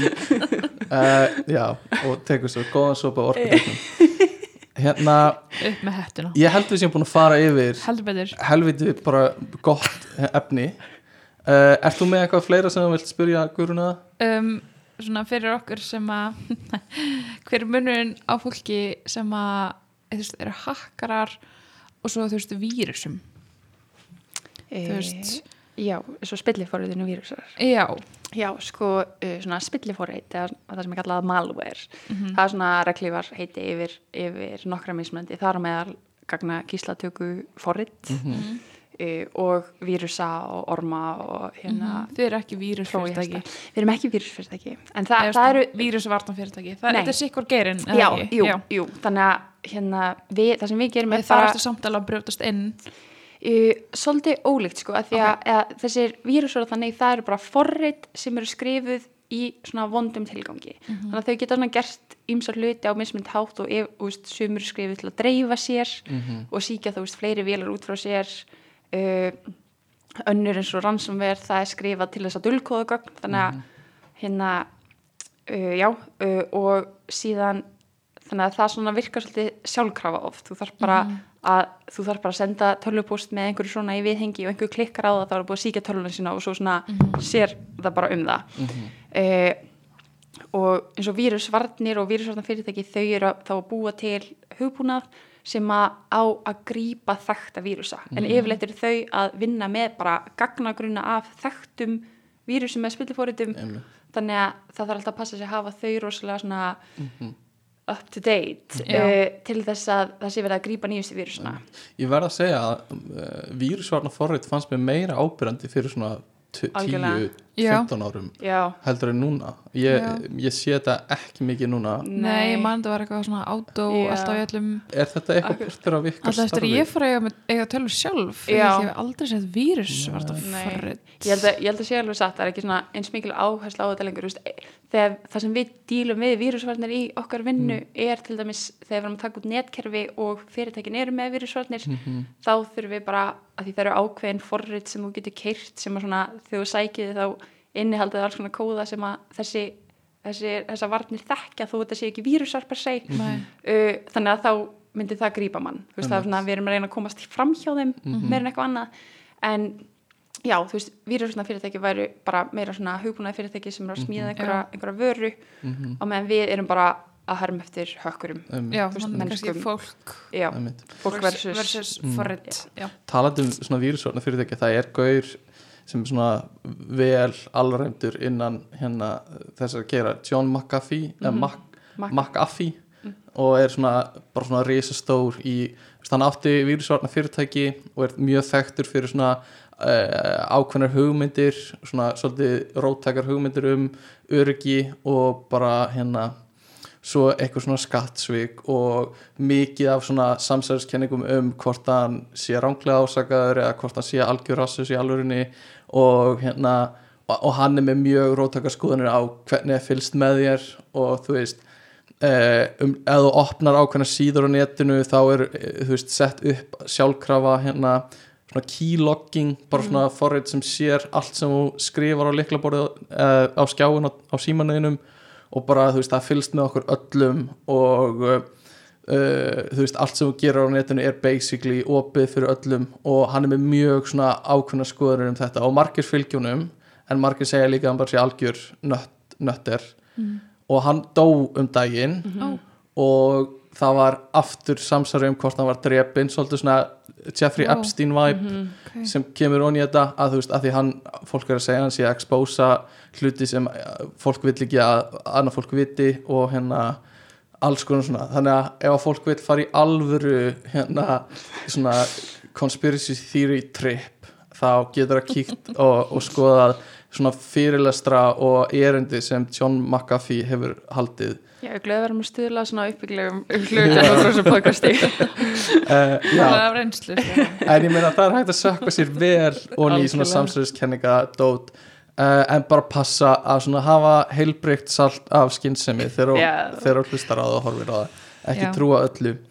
Um, mér finnst aftur núna sérstaklega við erum búin að vera að dekka allt held ég. Heldur betur. Er eitthvað sem þú vilt segja? Eitthvað svona plugga syndis eða hérna plugga sjálfur sem bara mannesku Vá, hvernig plugga maður sjálfur sér að Bara- maður allir að followa mig á Náttúrulega- Twitter að hvernig maður og hérna kannski hvetja fólk sem er í tölunafræði til að Já. kynna sér þessa kursa. Þetta er alltaf mikilvægt þú Mhm. veist, fyrir okkur og ég Mhm. er að fara að þú veist þráa hugbúnaði núna. Algjörlega. þú veist, ég ætla að pæli örgit útöktinni fyrir en ég ætlaði mér Já, og bara ég held að sé ótrúlega mikið að þetta sé með þetta baku eirað uh, fyrirtæki og einstaklingar Mhm. Mhm. og já, hérna eru þið að kenna ykkur námskeið Já, eða? hérna fyrst þú spyrir þá hérna sko, einmitt, sko, hérna fyrir þá sem er í HR þá er ég að fara að kenna tölvöryggisáfunga núna í þryggja vegna áfunganum í, sem byrjar í nómber og Sindi Sefur að kenna þennan áfunga svona, hann hefur verið í nokkur ár það hann hefur verið nokkur ár, jú og Sindi spyrjaði upparlega í HR, fun fact. Vá. Geggjað. Já, þannig að við höfum verið að kenna þennan áfunga svona undarfarið Mhm. og svo er Sindi Senda líka með e, námskeið fyrir fyrirtæki. Mm. þannig að allir, allir geta lært af okkur Geggjað. það er plagið mjög gott legg vona valdi sjálfust á já, ég held að þetta sé bara ágætt Já. lokaorð. Takk fyrir að koma. Til okkar. Já, takk. fyrir að fá mig, þetta var óaskendlegt uh, bye bye. Bye